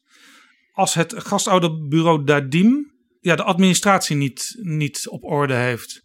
En dat de administratie niet op orde was, dat blijkt heel duidelijk omdat er sprake is van data als 32 januari, 29 februari, 32 september, waarop dus mensen op kinderen hebben gepast. Nou, dat begrijpt iedereen, dat klopt niet. Ja, nou ja, dat is wel uh, uh, ingewikkeld natuurlijk, want zij, zij bestrijden dat. Maar dat, dat zijn constateringen die daar uh, worden gedaan door die inspecteurs. En dan wordt er een, ehm, eigenlijk vrij snel een extreem drastische beslissing genomen. Want ze vinden natuurlijk daar ook heel veel ouders die het gewoon wel prima goed hebben gedaan. Ja. Maar de Belastingdienst besluit dan om bij de helft van die ouders gewoon de toeslagen stop te zetten bewijsstukken op te gaan vragen. En te gaan kijken, hebben jullie eigenlijk wel recht op die, uh, op die toeslagen? Ja, dus het begint eigenlijk met, er wordt iets geconstateerd. Nou, Bij een deel. Als dit waar is, dan is dat ernstig. Maar ja, het kan ook bij wijze van spreken door een stagiaire zijn ingeschreven die even die data niet, uh, nog niet, goed in het hoofd had. Uh, maar dan wordt op besloten, we zetten even de helft van alle toeslagen zetten we stil. En dat is een zo, zo drastisch besluit wat niet gebaseerd is op wat er werkelijk aan de hand is. Nee, het is, het is heel erg begonnen uit de, uit, uit de noodzaak van dat, dat ze bij de, bij eh, de toeslagen dachten: we moeten elk signaal van misbruik, niemand mag meer geld krijgen onterecht. Dat was ook natuurlijk het bezwaar bij die Bulgare fraude heel erg. Van, er liep daar ook een strafrechtelijk onderzoek al naar die hele naar die uh, Bulgare fraude. Dus in principe zou je kunnen zeggen: nou, gaat goed. Ik bedoel, fraude wordt gezien, wordt ook, die mensen worden opgepakt. Maar heel veel van die mensen hadden natuurlijk nog toeslagen gekregen. En die konden vervolgens niet meer teruggevorderd worden. Dus ook bij de belasting is zoiets. We moeten dat zo snel mogelijk, als er ook maar een vermoeden is, moeten we, als er twijfel over is, moeten we het stoppen. Um, en, en, en, en nou ja, dat, dat, dus dat werd gedaan. Er werd gewoon uh, uh, op basis van eigenlijk vermoedens. Ja. Werd en, heel snel... en ik kan me ook wel voorstellen dat een individueel medewerker van de Belastingdienst ook denkt, uh, een beetje opgejaagd door het systeem, van ja, dit moeten we nu zo goed mogelijk aanpakken. Want anders krijgt straks mijn allerhoogste baas, die staatssecretaris, er weer last van. Ja, nou ja, ik weet niet of die direct aan de staatssecretaris denkt. Maar die worden natuurlijk wel, het druppelt gewoon door, al die Ja, in instructies. door de hele. door Ergens in die schij- dat schrijversysteem gaan ze ook aan de staatssecretaris denken. Ja, precies. Ja. ja, en er wordt natuurlijk ook zo'n, na aanleiding van die Bulgare fraude, is ook dat team opgericht. Het combi-team aanpak facilitators, waar we het eigenlijk de hele tijd over hebben. vandaar dat het ook de, de KAF-zaak werd genoemd. Ja, de kafzaak, ja, precies. En eh hun, hun, hun taak is eigenlijk om op zoek te gaan naar zogenaamde facilitators. Dus dat zijn vaak die, dan de gastouderbureaus of de belastingadviseurs die dan de fraude zouden faciliteren. Maar kijk, daar is het natuurlijk ook weer enorm grijs. Het is echt niet zo dat, dat iedereen eh, eh, eh, die bij een bepaald gastouderbureau zit ook misbruik pleegt. Dat iedereen daar fout is. En zij gaan erin op een veel te harde, harde wijze. En er worden gewoon enorme fouten gemaakt. Want wat er vervolgens ook gebeurt, is dat, dat, dat, dat dus heel veel ouders gaan in bezwaar. En die bezwaren die blijven jarenlang liggen.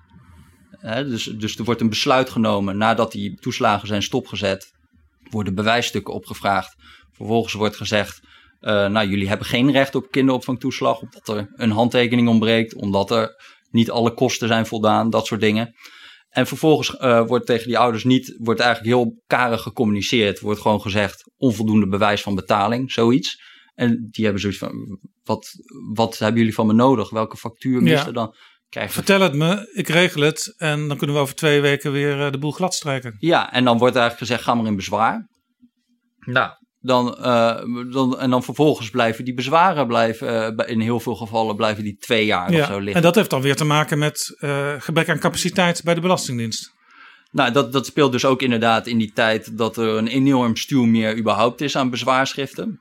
En daar is ook nog, nog een soort van, ja, het is een, echt een, uh, een hele clusterfuck. Maar dat ze daarbij uh, uh, bij de Belastingdienst toeslagen, zij worden afgerekend op het aantal bezwaarschriften wat ze binnen zes weken hebben afgehandeld. Moeten ze elke keer aan rapporteren aan de ja. ministeries van 95%. Ze krijgen een soort rapportcijfer voor de productie die ze leveren. Ja, dus uh, 95% moet binnen die wettelijke termijn zijn. En als je daar, als daar onder gaat, dan komen er echt vragen. Dus uh, nou ja, als een bezwaarschrift dus buiten die zes weken ligt, ja, dan maakt het niet meer of het uit of het twee jaar is of zeven weken. Je hebt die termijn toch al niet gehaald. Dus wat zij doen is met hun beperkte capaciteit proberen ze in ieder geval, zetten ze extra veel capaciteit in om onder die zes weken te blijven bij veel bezwaarschriften. En dan hebben ze een kleiner team die dan die hele lange, moeilijke bezwaarschriften gaan behandelen. En daardoor blijven ja, ook dus die eigenlijk bezwaarschriften een heel soort lang per hangen. pervertering van het systeem. Ja, je zou eigenlijk zeggen, gewoon je doet de bezwaarschriften die langs liggen, moet je als eerst behandelen. Maar omdat er zo'n target wordt gedaan, zo'n prestatieindicator is, uh, wordt, dat, wordt daar ja, niet alle capaciteit op ingericht. Samenvattend, er bleek iets aan de hand te zijn. Dat moest worden uitgezocht. Nou had dat bureau Dadim een hele goede advocaten, Eva González Perez, die ook kon aantonen dat heel veel dingen wel goed waren georganiseerd. Uh, zij voerde daar ook rechtszaken over. Op een bepaald moment bezocht Pieter Klein, over wie we het al hadden, een avond waar eigenlijk geen journalisten welkom waren, maar waar ouders werden geïnformeerd over hoe hun zaak ervoor stond. En de conclusie van die avond van Pieter Klein was: hier is sprake van etnische profilering, want ik zie eigenlijk alleen maar mensen van kleur op die avond. En toen ging dat ook weer in de politiek, ja, leidde dat tot een steekvlam. Want wat is hier aan de hand? Is hier sprake van etnische profilering? Ja, hij concludeert niet echt dat er uh, sprake is per se van uh, etnische profilering, maar hij suggereert van, nou, het is, het is wel, ik was eigenlijk de enige uh, witte persoon hier. Ja, en er is natuurlijk ook een onderzoek gedaan van de autoriteit persoonsgegevens naar de verwerking van de tweede nationaliteit. Ja, door de, door op een gegeven moment is ook politiek besloten dat de tweede nationaliteit niet meer in de gegevens verwerkt mocht zijn. Ja. Ja, het is allemaal wel begrijpelijk, maar ook wel weer laat ik dat woord ook maar weer in de mond nemen, schokkend als je het leest in jouw verhaal. Juist omdat de ICT het allemaal niet aankon en de Belastingdienst niet voldoende mensen daarvoor had, kon dat allemaal niet op tijd uit de computers geschrapt worden. Ja. Dus het zat er nog wel steeds in. Dus in theorie zouden inderdaad ambtenaren ook dat mee kunnen wegen, al mocht dat officieel niet meer. Ja, dus eigenlijk vanaf uh, uh, februari, moet, uh, februari 2014 geloof ik, is het in de, in de basisregistratie personen, wordt eigenlijk de tweede nationaliteit eruit gehaald.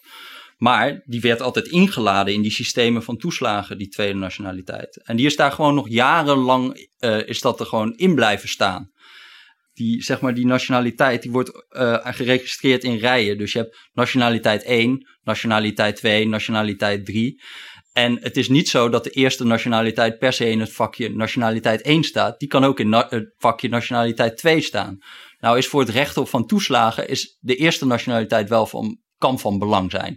Als je Nederlands bent of een EU-burger, nou ja, dan, is het, dan heb je recht op toeslagen. Maar niet als je een soort van... Uh, dus als je de eerste nationaliteit wil weten, moet je ook al die vakjes opvragen. Ook de tweede nationaliteit, waardoor die ook gezien kan worden. De vraag is nu heel erg, die er komt van, uh, in die fraudeonderzoeken zijn die nationaliteiten ook opgevraagd. Is, is daar ook naar gehandeld? Is, heeft dat geleid tot soort van extra controle van mensen met een tweede nationaliteit? Als je dat rapport van uh, uh, de autoriteit persoonsgegevens leest, dan zijn zij heel kritisch op het feit dat die, dat die er nog steeds in staat. Ja, die twee nationaliteiten, die had al lang weggemoeten natuurlijk. Uh, en ze zijn ook kritisch op het feit dat, dat, uh, dat ook de nationali eerste nationaliteit, dat daarop wordt gecontroleerd. Maar het is eigenlijk onduidelijk wat nu, of dat nu concrete gevolgen heeft gehad in de opsporing. Hè? Dus uh, ja, wat, wat, wat, wel, Ja. wat bijvoorbeeld wel heel duidelijk Het kan, is. natuurlijk- kan natuurlijk ook zo zijn geweest dat uh, er vooral mensen van kleur die avond waren. Uh, omdat ja, het nu eenmaal zo is dat die mensen ook vaak eh, in de lage inkomensgroepen zitten. En dus het recht hebben op ja, een groot bedrag aan toeslag. En als daar een probleem is, dan is het probleem ook meteen heel groot. Ja, en het is in dit geval natuurlijk, het is ook een, een, een, een, met een Turkse naam en veel Turkse klanten. Dus dat, dat zeg maar, als de reden van, om, om bij zo'n bureau te kijken, het, of bij die ouders te kijken, het gasthouderbureau is, is het niet zo gek dat veel van die ouders natuurlijk migranten Nee, laten we even een sprong maken in de tijd. Uh, pas in april 2019 is er weer een zaak bij de Raad van State. De Raad van State die tot dan toe altijd gezegd heeft, uh, de wet is hier volgens de regels uh, gevolgd. Dus wij wijzen de klacht van de advocaat van ouders of van gastouderbureau af. Nu in april 2019 beslist de Raad van State eigenlijk voor het eerst in het voordeel van de ouders. En dat is ook een moment. Menno Snel is dan inmiddels uh, de staatssecretaris die met al die ellende geconfronteerd wordt. Die heeft er bij de landsadvocaat op aangedrongen, de landsadvocaat die namens de staat procedeert, om wat milder te worden in dat soort zaken. En blijkbaar werkt dat ook uit op de Raad van State. Nou ja, goed. Ik, ik, het, is, het is vooral dat de Raad van State in één keer een klein. Kijk, in april is het nog een vrij kleine draai. Hè? Dan gaat het om. Dan gooien ze het in één keer op van ja, dat zijn afrondingsverschillen. Dus er blijkt, iemand heeft 100 euro niet betaald. En dan krijg je weer zo'n gigantische terugvordering. En dan zegt de Raad van State van 100 mm, euro is wel een dusdanig klein bedrag dat we hier toch wel wat meer ruimte zien. Dus dat gaan we, gaan we uh, in dit geval toch anders doen. Nou ja, dat is eigenlijk een soort van kleine eerste stap waar, uh, waar er een andere juridische benadering wordt gezien. Maar eigenlijk gaan ze zes maanden, zeven maanden later, gaan ze pas uh, volledig om. dan heb je in 23 oktober 2019 komen ze in één keer terug op alle eerdere jurisprudentie en zeggen ze van, nou die hele alles of niets benadering, wij lezen dat niet meer in de wet. eigenlijk opvallend als je die uitspraak leest, gebruiken ze een soort van niet-juridische argumenten. Dus ze zeggen eigenlijk, ja, ons is eigenlijk door de jaren heen is duidelijk geworden dat, er, uh, dat de gevolgen van onze jurisprudentie heel ernstig zijn. Uh, dat ouders het ook niet altijd kunnen begrijpen. En daarom komen wij terug op onze eerdere ja, uitspraak. Dat is op zich heel ongebruikelijk hè, in de juridische wereld. Want jurisprudentie, alles wat er is aan wetten en aan uh, rechtelijke uitspraken, dat wordt, daar wordt altijd bij een nieuwe rechtszaak wel naar gekeken. En nu werd er dus eigenlijk volledig afgeweken van wat er tot dan toe door rechters gezegd was. Ja, dus, dus, dus het is sowieso vrij ongebruikelijk dat er ergens op wordt teruggekomen. En het is ook heel ongebruikelijk dat dat op niet-juridische gronden zou worden gedaan. Ja, en de vraag is nu ook heel erg. Uh, uh, kijk, er zijn, het, het rare van toeslagenrecht is ook dat het een beetje een soort juridisch niemandsland werd. Want het is een beetje bestuursrecht, het is een beetje fiscaal recht, het is een beetje sociale zekerheidsrecht. En daardoor was eigenlijk ook in die rechtswetenschappen was eigenlijk heel weinig interesse. Dus je ziet eigenlijk dat bijvoorbeeld al die uitspraken waarin die alles of niets benadering een beetje tot stand komt. Normaal heb je eigenlijk in de juridische wetenschap of in de rechtswetenschap dat er annotaties worden geschreven. Dat zijn een soort commentaren op uitspraken waarin een beetje wordt uitgelegd en waarin ook eigenlijk een beetje een recensie wordt gegeven. Ja, dus het, Nederlands Juristenblad bijvoorbeeld uh, staat er vol van. Ja, ja elk, elk juridisch blad heeft zo'n uh, heeft zo'n sectie vaak. Maar over al die belangrijke uitspraken waarin eigenlijk die alles of niets benadering tot stand komt, is niet eens een annotatie verschenen. Terwijl dat gaat over het recht op van toeslagen van echt honderdduizenden mensen natuurlijk. En dat viel dus, eigenlijk was er ook niet zoveel commentaar op wat de Raad van State daar allemaal deed. En dat zij dus eigenlijk ook in die, in die wetteksten dingen las die, nou ja, je kan op zijn zacht zeggen dat het een vrij exotische interpretatie is. En er zijn inmiddels uh, juristen die daarnaar kijken, naar die, uh, naar, die uitspraken die er nu zijn gedaan, en zich sterk afvragen: uh, hebben jullie hier niet een enorme fout begaan door eigenlijk in die wettekst iets te lezen wat er nooit stond? Dit is Betrouwbare Bronnen, een podcast met betrouwbare bronnen. Staatssecretaris Menno Snel die pleit op een gegeven moment in de ministerraad voor genoegdoening van al die mensen die tekort is gedaan in deze hele ellendige zaak. Maar zijn collega's in de ministerraad die, die zeggen ja, kunnen we niet doen, want dat leidt tot precedentwerk en dan krijgen we allerlei zaken die weer opnieuw moeten worden bekeken, ook op hele andere terreinen. Mhm. Maar blijkbaar is Snel toch zo overtuigd van ja, hier gebeuren dingen die eigenlijk niet door de beugel kunnen. En dan vooral aan de kant van hoe mensen bejegend worden door de Belastingdienst. En, en op basis van de wet. hij zegt in de media op een gegeven moment, ja, die wet, daar moeten we toch naar gaan kijken, die moet gewijzigd worden. En dan krijgt hij een boos telefoontje van eh, de staatssecretaris van Sociale Zaken, Tamara van Ark. Ja, die is niet zo blij dat hij dat eigenlijk op eigen titel uh, eventjes uh, zegt zonder haar te raadplegen. Terwijl ze dat ze natuurlijk, zij, zij gaan over die wetgeving. Ja, en daarvoor is natuurlijk een heel uh, traject al geweest waarin ze aan het schrijven zijn, eigenlijk aan een kamerbrief om te zeggen van wat is nu de oplossing voor deze hele zaak, hè, met dat, met het, waar het allemaal mee begon, de CAF 11 zaken. En ja, daarbij is ook al gevraagd aan de secretaris-generaal van Sociale Zaken: kijk even mee met deze brief. En in die conceptbrief staan eigenlijk ook heel veel passages waarin het gaat over de rigide wetgeving. Ja, en ja want jij hebt die concepten ook ingezien. Je hebt Ja. dus een beetje achter de schermen meegelezen. Ja. Ja, ja, ik heb die concepten ingezien. In e- eerste instantie staan daar eigenlijk vrij, harde passages in over de wetgeving. En vervolgens wordt gevraagd om commentaar van eh, eh, eh, sociale zaken. Die zegt van ja, nee, het is niet de wetgeving, het is, eh, het is de uitvoering. Jullie, eh, zeg maar, het is niet het beleid geweest. Wij hebben dit nooit zo bedoeld, zeggen ze. Eh, het is eh, de uitvoering. Ja, geweest. hier zit dus ook een verschil tussen sociale zaken, onze wet is goed, en financiën. Waar de staatssecretaris nu zegt, ja, eigenlijk is het bij de wetgeving ging het al fout, voordat er überhaupt ergens een toeslag is uitgekeerd. moet wel gezegd dat zij nu ook helemaal daarop terug zijn gekomen hoor, bij sociale zaken. Maar het is ook heel lang dat je ook op die ministeries, dat ze eigenlijk proberen terug te halen. Wat is hier nu eigenlijk fout gegaan? Ja, het interessante is, dat schrijf je ook in je, in je verhaal, af en toe ook met citaten uit Kamerdebatten, eh, dat in de Tweede Kamer als enkele Kamerleden opmerken van ja, we zouden toch ook nog eens weer naar die wetgeving moeten kijken, dat andere Kamerleden dan boos worden van ja, het gaat toch om de slachtoffers en we moeten helemaal die wetten, dat, dat is geweest, maar het gaat om de slachtoffers. Laten we even luisteren naar een fragment waarin we horen de Kamerleden Bart Snels, GroenLinks, Steven van Wijnberg van D66. En zij worden aangevallen door Renske Leijten van de SP en Farid Azarkan van DENK.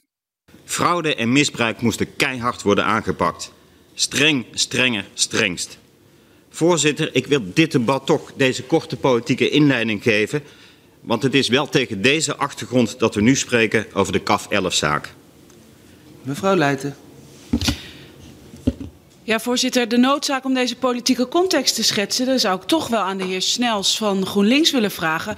Waar is in de wetsbehandeling over de toeslagen en het in- instellen van het toeslagensysteem precies gezegd dat de Belastingdienst boven de wet mag handelen, valsheid in geschriften mag uh, plegen, bezwaartermijnen mag oprekken, uh, interne instructies mag schrijven om mensen uh, uh, af te poeieren? Waar is dat precies allemaal besloten in dit huis? Uh, voorzitter, nergens, maar tegen de achtergrond van de Bulgarenfraude is de aanpak van fraude wel heel erg ingesnoerd, afgekaderd, ingeregeld en strenger gemaakt. Uh, en het is wel tegen die achtergrond, de, de, risicoprofielen, de wijze waarop met signalen wordt omgegaan, uh, de, de, wijze waarop mensen bewijsstukken moeten aangevoerd, dat is allemaal aangescherpt na de Bulgarenfraude. En dat speelt wel een rol. Dank, de heer Van Wijnberg. Dat de commissie Donner nu nodig is, is voor mij een bevestiging dat we ook naar de wet moeten kijken. De heer Azarkan. Ja, voorzitter, ik denk toch dat uh, de heer Van Wijberg de plank wat mislaat. In die zin dat we helemaal niet naar die wet hoeven te kijken. Dit gaat erom dat we de wet moeten handhaven. Dit gaat erom dat ambtenaren volgens die wet moeten handelen. Dat moeten ze gewoon doen. En die wet die liet helemaal niet toe dat ze dit deden. Er stond nergens in die wet dat dit mocht. Dus ik begrijp niet waarom we gaan kijken naar een wet die door die ambtenaren totaal niet is nageleefd. Wat willen we daarmee bereiken? Nee, maar, maar, voorzitter, het feit dat blijkbaar nu herstel, bijvoorbeeld van de toeslagen, dat dat gewoon nauwelijks mogelijk is, zegt van mij betreft ook iets over de toeslagenwet. Want ik vind het niet goed dat als achteraf blijkt dat vanwege een uh, onvolkomenheid in het dossier je hele, uitkeer, je hele toeslag is gestopt, dat de wet het niet toestaat om dat te herstellen. Dat vind ik iets wat we moeten veranderen. Ja, opvallend wel. Uh, vooral omdat ik zou denken, ja, als Tweede Kamer ga je toch ook over wetgeving. Dus ja, je, je zult dan toch ook moeten, juist, juist daarnaar moeten kijken. En het is natuurlijk. Ja, er zijn inmiddels een soort van. De commissie Donner heeft er natuurlijk twee rapporten geschreven. En daarin wordt toch heel erg duidelijk aangegeven van. Dat die wetgeving echt een probleem is. Hè. Dat wordt, wordt door Donner, die schrijft uh, van, nou ja, uh, heeft onrechtmatig handelen heeft misschien plaatsgevonden. Hè. Dat heeft, en dat is ook niet zo. Hè. De Belastingdienst heeft echt hele grote fouten ja. gemaakt. Ja, hier, worden, hier worden eigenlijk ook, denk ik, door Leiden en Azarkan uh, dingen door elkaar gehaald. Hè. Want je moet de wetgeving, oorspronkelijke wetgeving, moet je loszien van hoe de Belastingdienst op een gegeven moment ook misschien verzachtende omstandigheid, maar niet goed te praten. Doordat ze te weinig capaciteit heeft, mensen afpoeiert en misschien mensen op zwarte lijsten zet van die mensen moeten we eigenlijk niet, uh, geen aandacht aan schenken. Als die bellen en zo moeten we eigenlijk dat telefoontje niet plegen. Ja, dat wordt allemaal op één hoop gegooid en op een gegeven moment zie je door de boom het bos niet meer. En dan is zo'n opmerking van uh, Bart Snels en van Steven van Weijenberg heel terecht. Maar die valt dan totaal uh, in dorre aarde. Ja, nou ja, en ik vind het ook wel een soort van de houding van uh, de SP erg opvallend. Omdat als dan iemand toch nog recht heeft om te zeggen dat ze in die jaren iets over die wet hebben gezegd, is het toch ook de SP. Want ja, die is inmiddels uit de Kamer. Maar Tjitske Siderius was toen uh, woordvoerder uh, kinderopvang. Ja, die heeft toch een aantal moties ingediend in 2014, 2015, 2016. Die eigenlijk zeiden, laten we um, in ieder geval proberen om voor die, voor die ouders, voor bijvoorbeeld van toen was de parel heel erg in het nieuws. Ga bij hun niet het hele bedrag terugvorderen, maar vorder alleen de eigen bijdrage terug. Nou, dus door een meerderheid van de Kamer zijn die moties weggestemd. Dus men vond dat toen niet, dus blijkbaar. Zij waren er dus in voorgaande jaren juist wel van dat ze, dat ze iets aan die wetgeving hebben gedaan. En Renske zit heel erg op. Ja, het is, het is alleen maar de Belastingdienst die, die gewoon uh, het uh, allemaal uh, fout heeft gedaan. Ja. ja, dat is gewoon te, te simpel. Nee. Er hebben heel veel mensen hier nalatig geweest. Ja, er wordt op een gegeven moment, wordt, je noemde het net, de commissie Donner ingesteld. Ik dacht overigens wel toen Donner die commissie ging leiden, is dat nou wel de juiste man? Want die is zelf nog niet zo heel lang daarvoor minister geweest. En hij is ook uh, vicevoorzitter van de Raad van State geweest. Dus op verschillende niveaus zat hij in de buurt van het onderwerp. Mm -hmm. Dat vind ik nooit zo verstandig. Maar goed, hij kwam met een uh, rapport. En daarin wees hij ook naar die wetgeving, zei je al. Mm -hmm. uh, Pieter Klein zei daar dit over. Het zit in dit dossier vol met politieke trucjes. Ja, maar de Kamer wilde toch dat we de fraude aanpakt en de tijdgeest.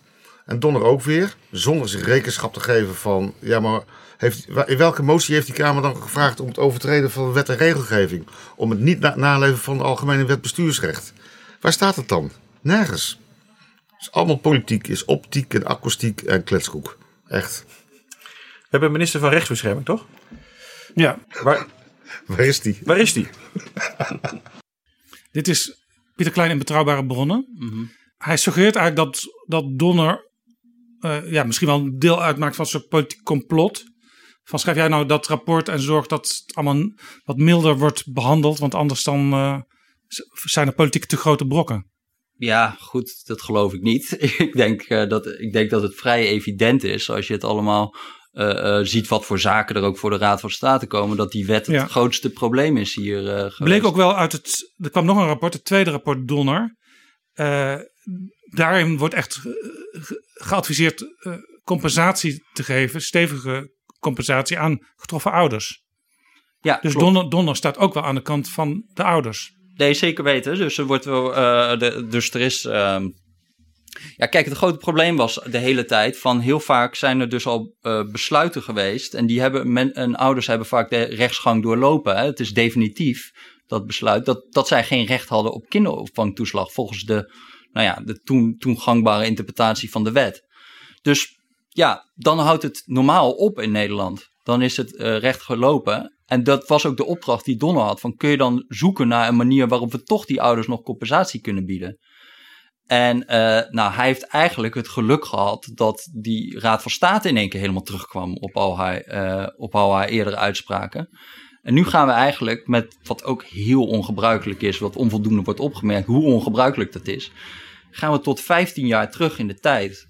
Gaan wij alle besluiten die er zijn genomen van 15 jaar erfenis, kinderopvangtoeslag, slechte wetgeving, gaan we al die uh, dingen weer openbreken en gaan we mensen alsnog eigenlijk het recht op kinderopvangtoeslag geven. Ja, en, dat, en, en, en Donner probeert dat nog in zijn tweede rapport nog een beetje in te perken. Hè? Dus die zegt van je gaat, doe dat tot vijf jaar terug. En ga niet vijftien jaar terug. En doe dat vanaf een bedrag van 10.000 euro. Hè. Dat zijn echt de echt schijnende gevallen, denk Ja. ik, van mensen die echt meer dan 10.000 euro hebben terugbetaald. Nou, heeft de staatssecretaris gezegd dat gaan we naar 1500 euro terugbrengen en we gaan het tot 15 jaar terug. Ja, Ja. je haalt je daarbij wel eh, een, een soort van enorme onderneming op de hals. En Ja. dat zie je nu ook al. Die Ja. herstelorganisatie, daar werken nu 500 mensen, geloof ik. En heel toeslagen heeft er 900. Ja, en het treurige is dat eigenlijk Menno Snel, die deze verzachtingen aanbrengt, wel politiek heeft moeten sneuvelen. Want Eh, hij is eigenlijk degene die de, de, grote, om de grote draai eh, maakt richting genoegdoening. Ja, nou ja, dat, het, kijk, wat, wat, wat ik wel opvallend vind, als je nou die hele geschiedenis kijkt. Hè, we, we hebben natuurlijk ook Wiebes en eh Ascher zijn er ook op aangesproken in het verleden bij, van die, bij incidenten hè, van de, de, de parel en de, de appelbloesem. Ja, en, en wat, wat hun lijn was, was gewoon, ja, wij krijgen gelijk van de rechter. Weet je, dat, dat zei ze dan in de Tweede Kamer. Ja, wij, wij zijn gewoon, wij voeren de wet uit. Eh, Ja. En dan, daar strandt het dan elke keer ergens. Ja, dat is En wat- puur wat- bureaucratische redenering in feite. Politiek bureaucratische redenering. Ja, en, en, en, en, en wat, wat, wat, wat Menno Snel op een gegeven moment doet, is van ja, ik kan geen vrede meer hebben met de uitkomst van gerechtelijke uitspraken. En we moeten echt gaan zoeken naar manieren om toch eh, al die ouders die echt zwaar onrecht is aangedaan, om eh, die tegemoet te gaan komen. Maar daarmee heb je natuurlijk ook al, daar komt ook een soort mediadynamiek natuurlijk weer. Het is niet soort van goed om fouten toe te geven. Eh, ook al zijn ze van vier, vijf jaar terug. Want dan ontstaat er ook een dynamiek dat iedereen ziet van... oh, hier is iets aan de hand, weet je wel. Hij, geeft toe en dan, iedereen duikt er dan op van... er begint nu een vraag te ontstaan, de verantwoordelijkheidsvraag. Eh, hij heeft dus fouten gemaakt. Terwijl je eigenlijk hoopt dat een staatssecretaris juist dat doet. En zegt van, ja, we zijn hier fout geweest. We moeten hier met genoegdoening komen. Ja, ja. Menno Snel treedt af. Hij wordt opgevolgd door maar liefst twee staatssecretarissen. Alexandra van Huffelen, eh, die zich vooral heel erg met eh, de mensen om wie het gaat eh, bezig gaat houden. En eh, daarnaast is er staatssecretaris Hans Veilbrief, eh, die over de Belastingdienst gaat. En hij was eh, te gast in Betrouwbare Bronnen. En ik vroeg hem naar de aangifte die werd gedaan toen hij al staatssecretaris was tegen de Belastingdienst. Ja, ja, dat is uh, waarschijnlijk een unicum. En dat, u hoort me zuchten, want we hebben dat met, eh, ik heb het met ongelooflijk veel tegenzin gedaan. Eh, en datzelfde geldt voor mevrouw Van Huffelen. Maar goed, wij hadden iemand ingevraagd, ingehuurd, om ons, om goed na te gaan of er dingen gebeurd waren die niet door de beugel konden. Ja, daar was een sterk vermoeden van, dus we konden niet anders doen dan dit. Dat, dat wisten we. Is het verstandig dat er aangifte is gedaan door financiën tegen de eigen Belastingdienst? Nou, persoonlijk vind ik dat echt absurd als je het hele dossier bekijkt. Ik eh, kijk vanuit de Belastingdienst, we hebben het er al over gehad, is herhaaldelijk bij het eigen ministerie aangegeven dat het heel ver ging. Daar is toen niks mee gedaan, politiek. Dat is Ook- gestrand. Ook topambtenaren die intern hebben aangedrongen, we, we moeten hier iets aan doen. En dat zijn dezelfde mensen die nu eigenlijk in beeld komen, die misschien wel straks eh, voor de rechter staan. Ja, nou, het is de vraag of het OM hier ook met deze aangifte, wat die daar nou daadwerkelijk mee gaan doen straks. Maar, maar inderdaad, is eh, dus, dus de directeur toeslagen, hè, die is dus die je non-actief gesteld eh, voor dit eh, eh, strafrechtelijk onderzoek. Terwijl duidelijk is dat hij ook in die tijd heeft aangegeven, ja, dit gaat wel erg ver. Het is niet om te zeggen dat al die soort van ambtenaren daar foutloos zijn geweest. Hè. Die hebben ook heel weinig uiteindelijk ambtelijke moed getoond om, als er dan die pol- politieke goedkeuring niet kwam, misschien gewoon zelf iets te doen. Hè? En om, om, om zelf een andere koers te gaan eh, eh, varen. Maar ja, aan de andere kant, dat is ook heel lastig als die politieke goedkeuring er niet, niet komt. En je bent een uitvoeringsinstelling. En er wordt eigenlijk ook veel druk op je uitgeoefend van alle kanten om misbruik te bestrijden en om business cases rond te, eh, te krijgen. Ja, dan moet je sterk in je schoenen staan. Dan kan je zeggen, je bent geen held geweest. Maar aangifte vind ik dan zo, ja, dat gaat zo ver. En, ehm, ja, en je maakt gewoon echt dingen kapot. Met zo, met ook met zo'n dienst. eh, van je hebt geen idee van wat voor impact dat kan hebben op allerlei andere eh, problemen die er dan nog nee, kunnen het, kijk, het beeld was in de media en ook in de politiek van, ja, dit gaat heel ver, maar het is wel terecht. Jij hebt daar dus grote vraagtekens bij. Eh, we hadden het eerder in het gesprek ook al over, zeg maar, de beleidsmakers op een ministerie en de uitvoerders die daar ver onder zitten. En die vaak eigenlijk helemaal geen idee van elkaars uh, werelden hebben. Uh, dat wordt misschien door zo'n aangifte alleen maar versterkt, die tegenstelling binnen zo'n apparaat. Ja, nou ja, extreem erg natuurlijk. Ja, want uh, er is altijd binnen, binnen het ministerie van Financiën is er altijd al een beetje zo'n clash natuurlijk. Die, die, die DG-belastingdienst, de belastingdienst wordt altijd als te onafhankelijk gezien. En dat is natuurlijk een enorme vulkaan waar de hele tijd opheffen uitkomt.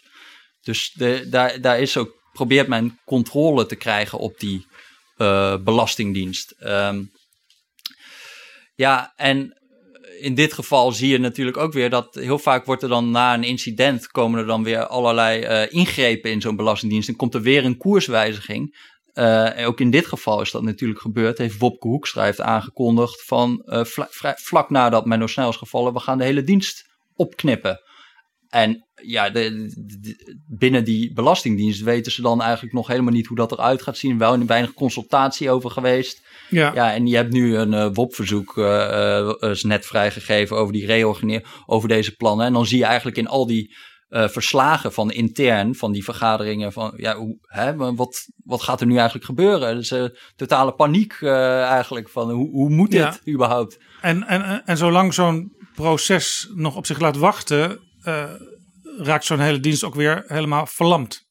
Ja, nou ja, en vooral met toeslagen is het natuurlijk nu ook heel erg de vraag. Dat gaan we dan opknippen.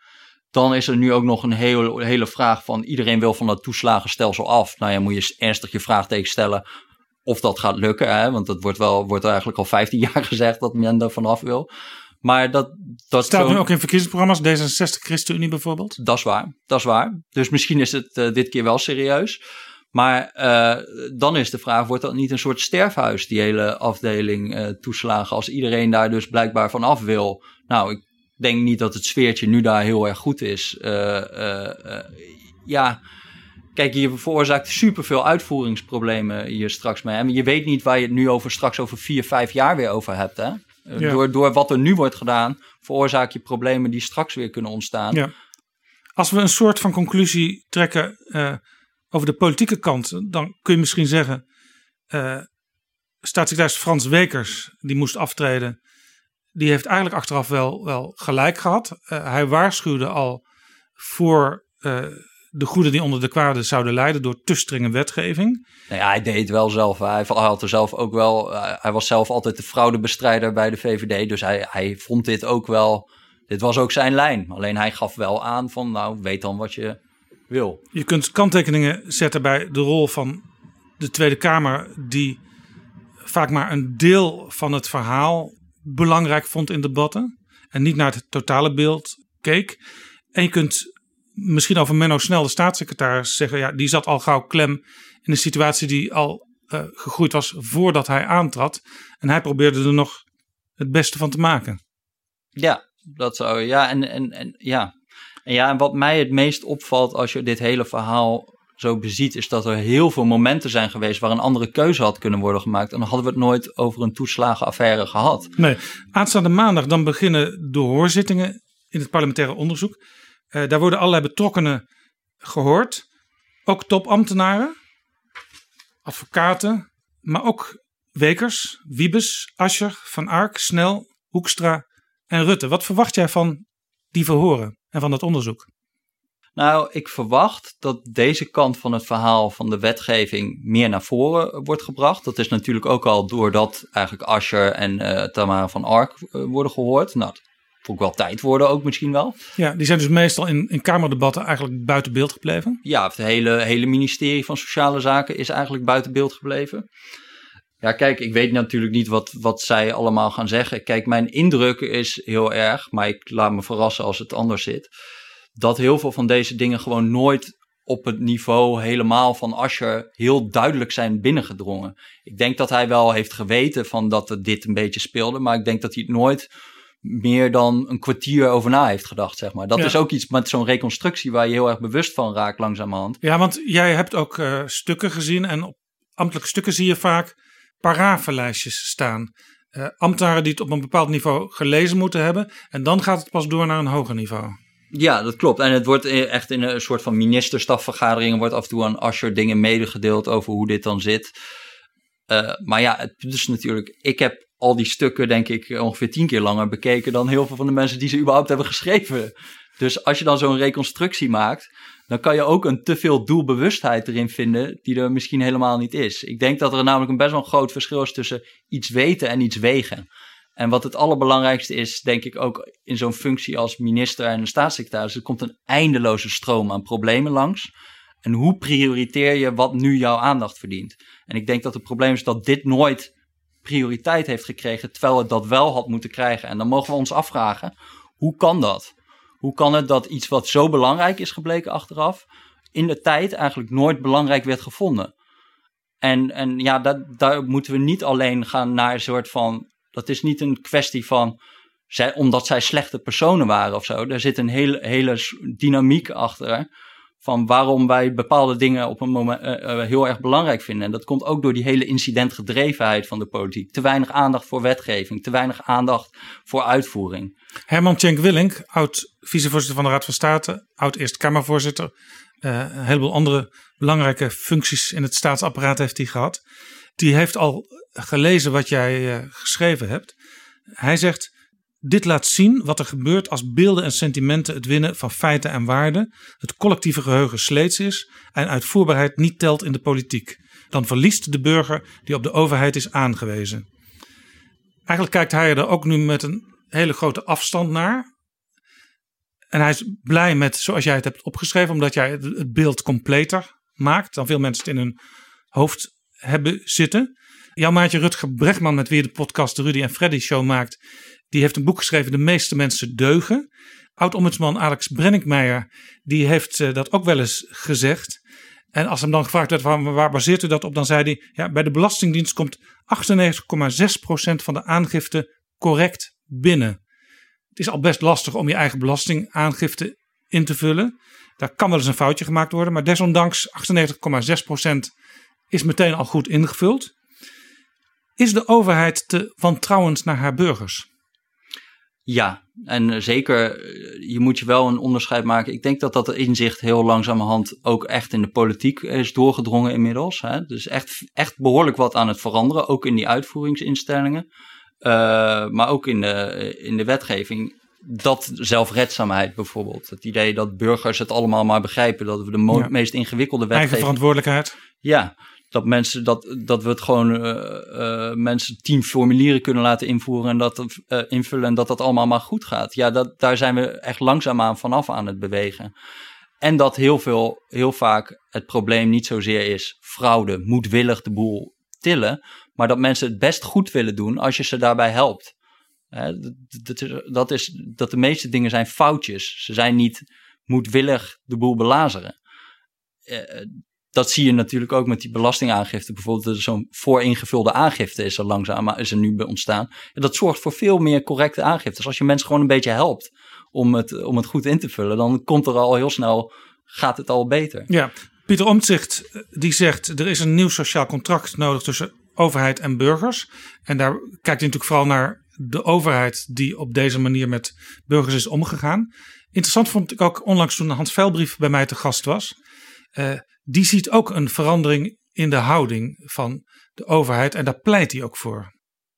Ik geloof echt dat uitgaan van vertrouwen, dat is dan wat ik vanuit die coronacrisis heb geleerd, wel eens beter zou kunnen werken. En misschien werkt zo'n toeslagenaffaire ook wel die kant op. Hè? Dat we daarvan leren van ja, maar de manier waarop we dat deden, dat, dat, dat kon echt niet. Ja. dat is inmiddels duidelijk.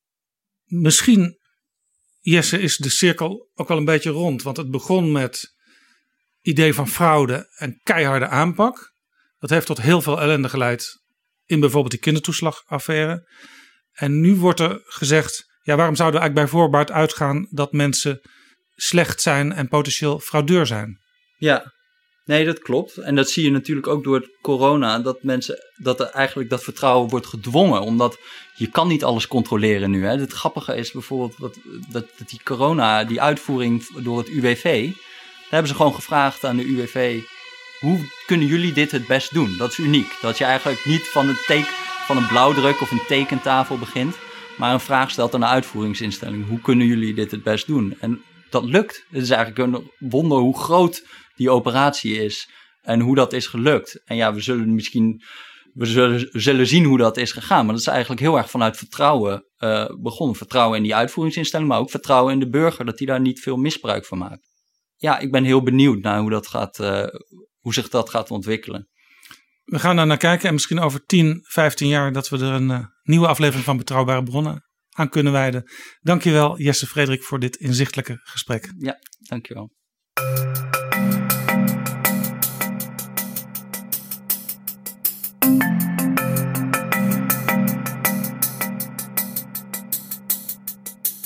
Zo, dit was Betrouwbare Bronnen, aflevering 147. In de beschrijving van deze podcast vind je links naar de aflevering met Pieter Klein van RTL en Jan Klein Nijenhuis van Trouw en de recente met staatssecretaris Hans Veilbrief. Het grote verhaal van Jesse Frederik kun je lezen op de site van De Correspondent. En rond de jaarwisseling verschijnt ook een boek van Jesse over deze kwestie met nog veel meer informatie. Deze aflevering van Betrouwbare Bronnen is mede mogelijk gemaakt door We Nederland. En natuurlijk door donaties van luisteraars via de site vriendvandeshow.nl/slash bb. Betrouwbare bronnen blijft ook dankzij jouw donatie. Tot volgende keer. Betrouwbare bronnen wordt gemaakt door Jaap Jansen in samenwerking met dag en nacht.nl.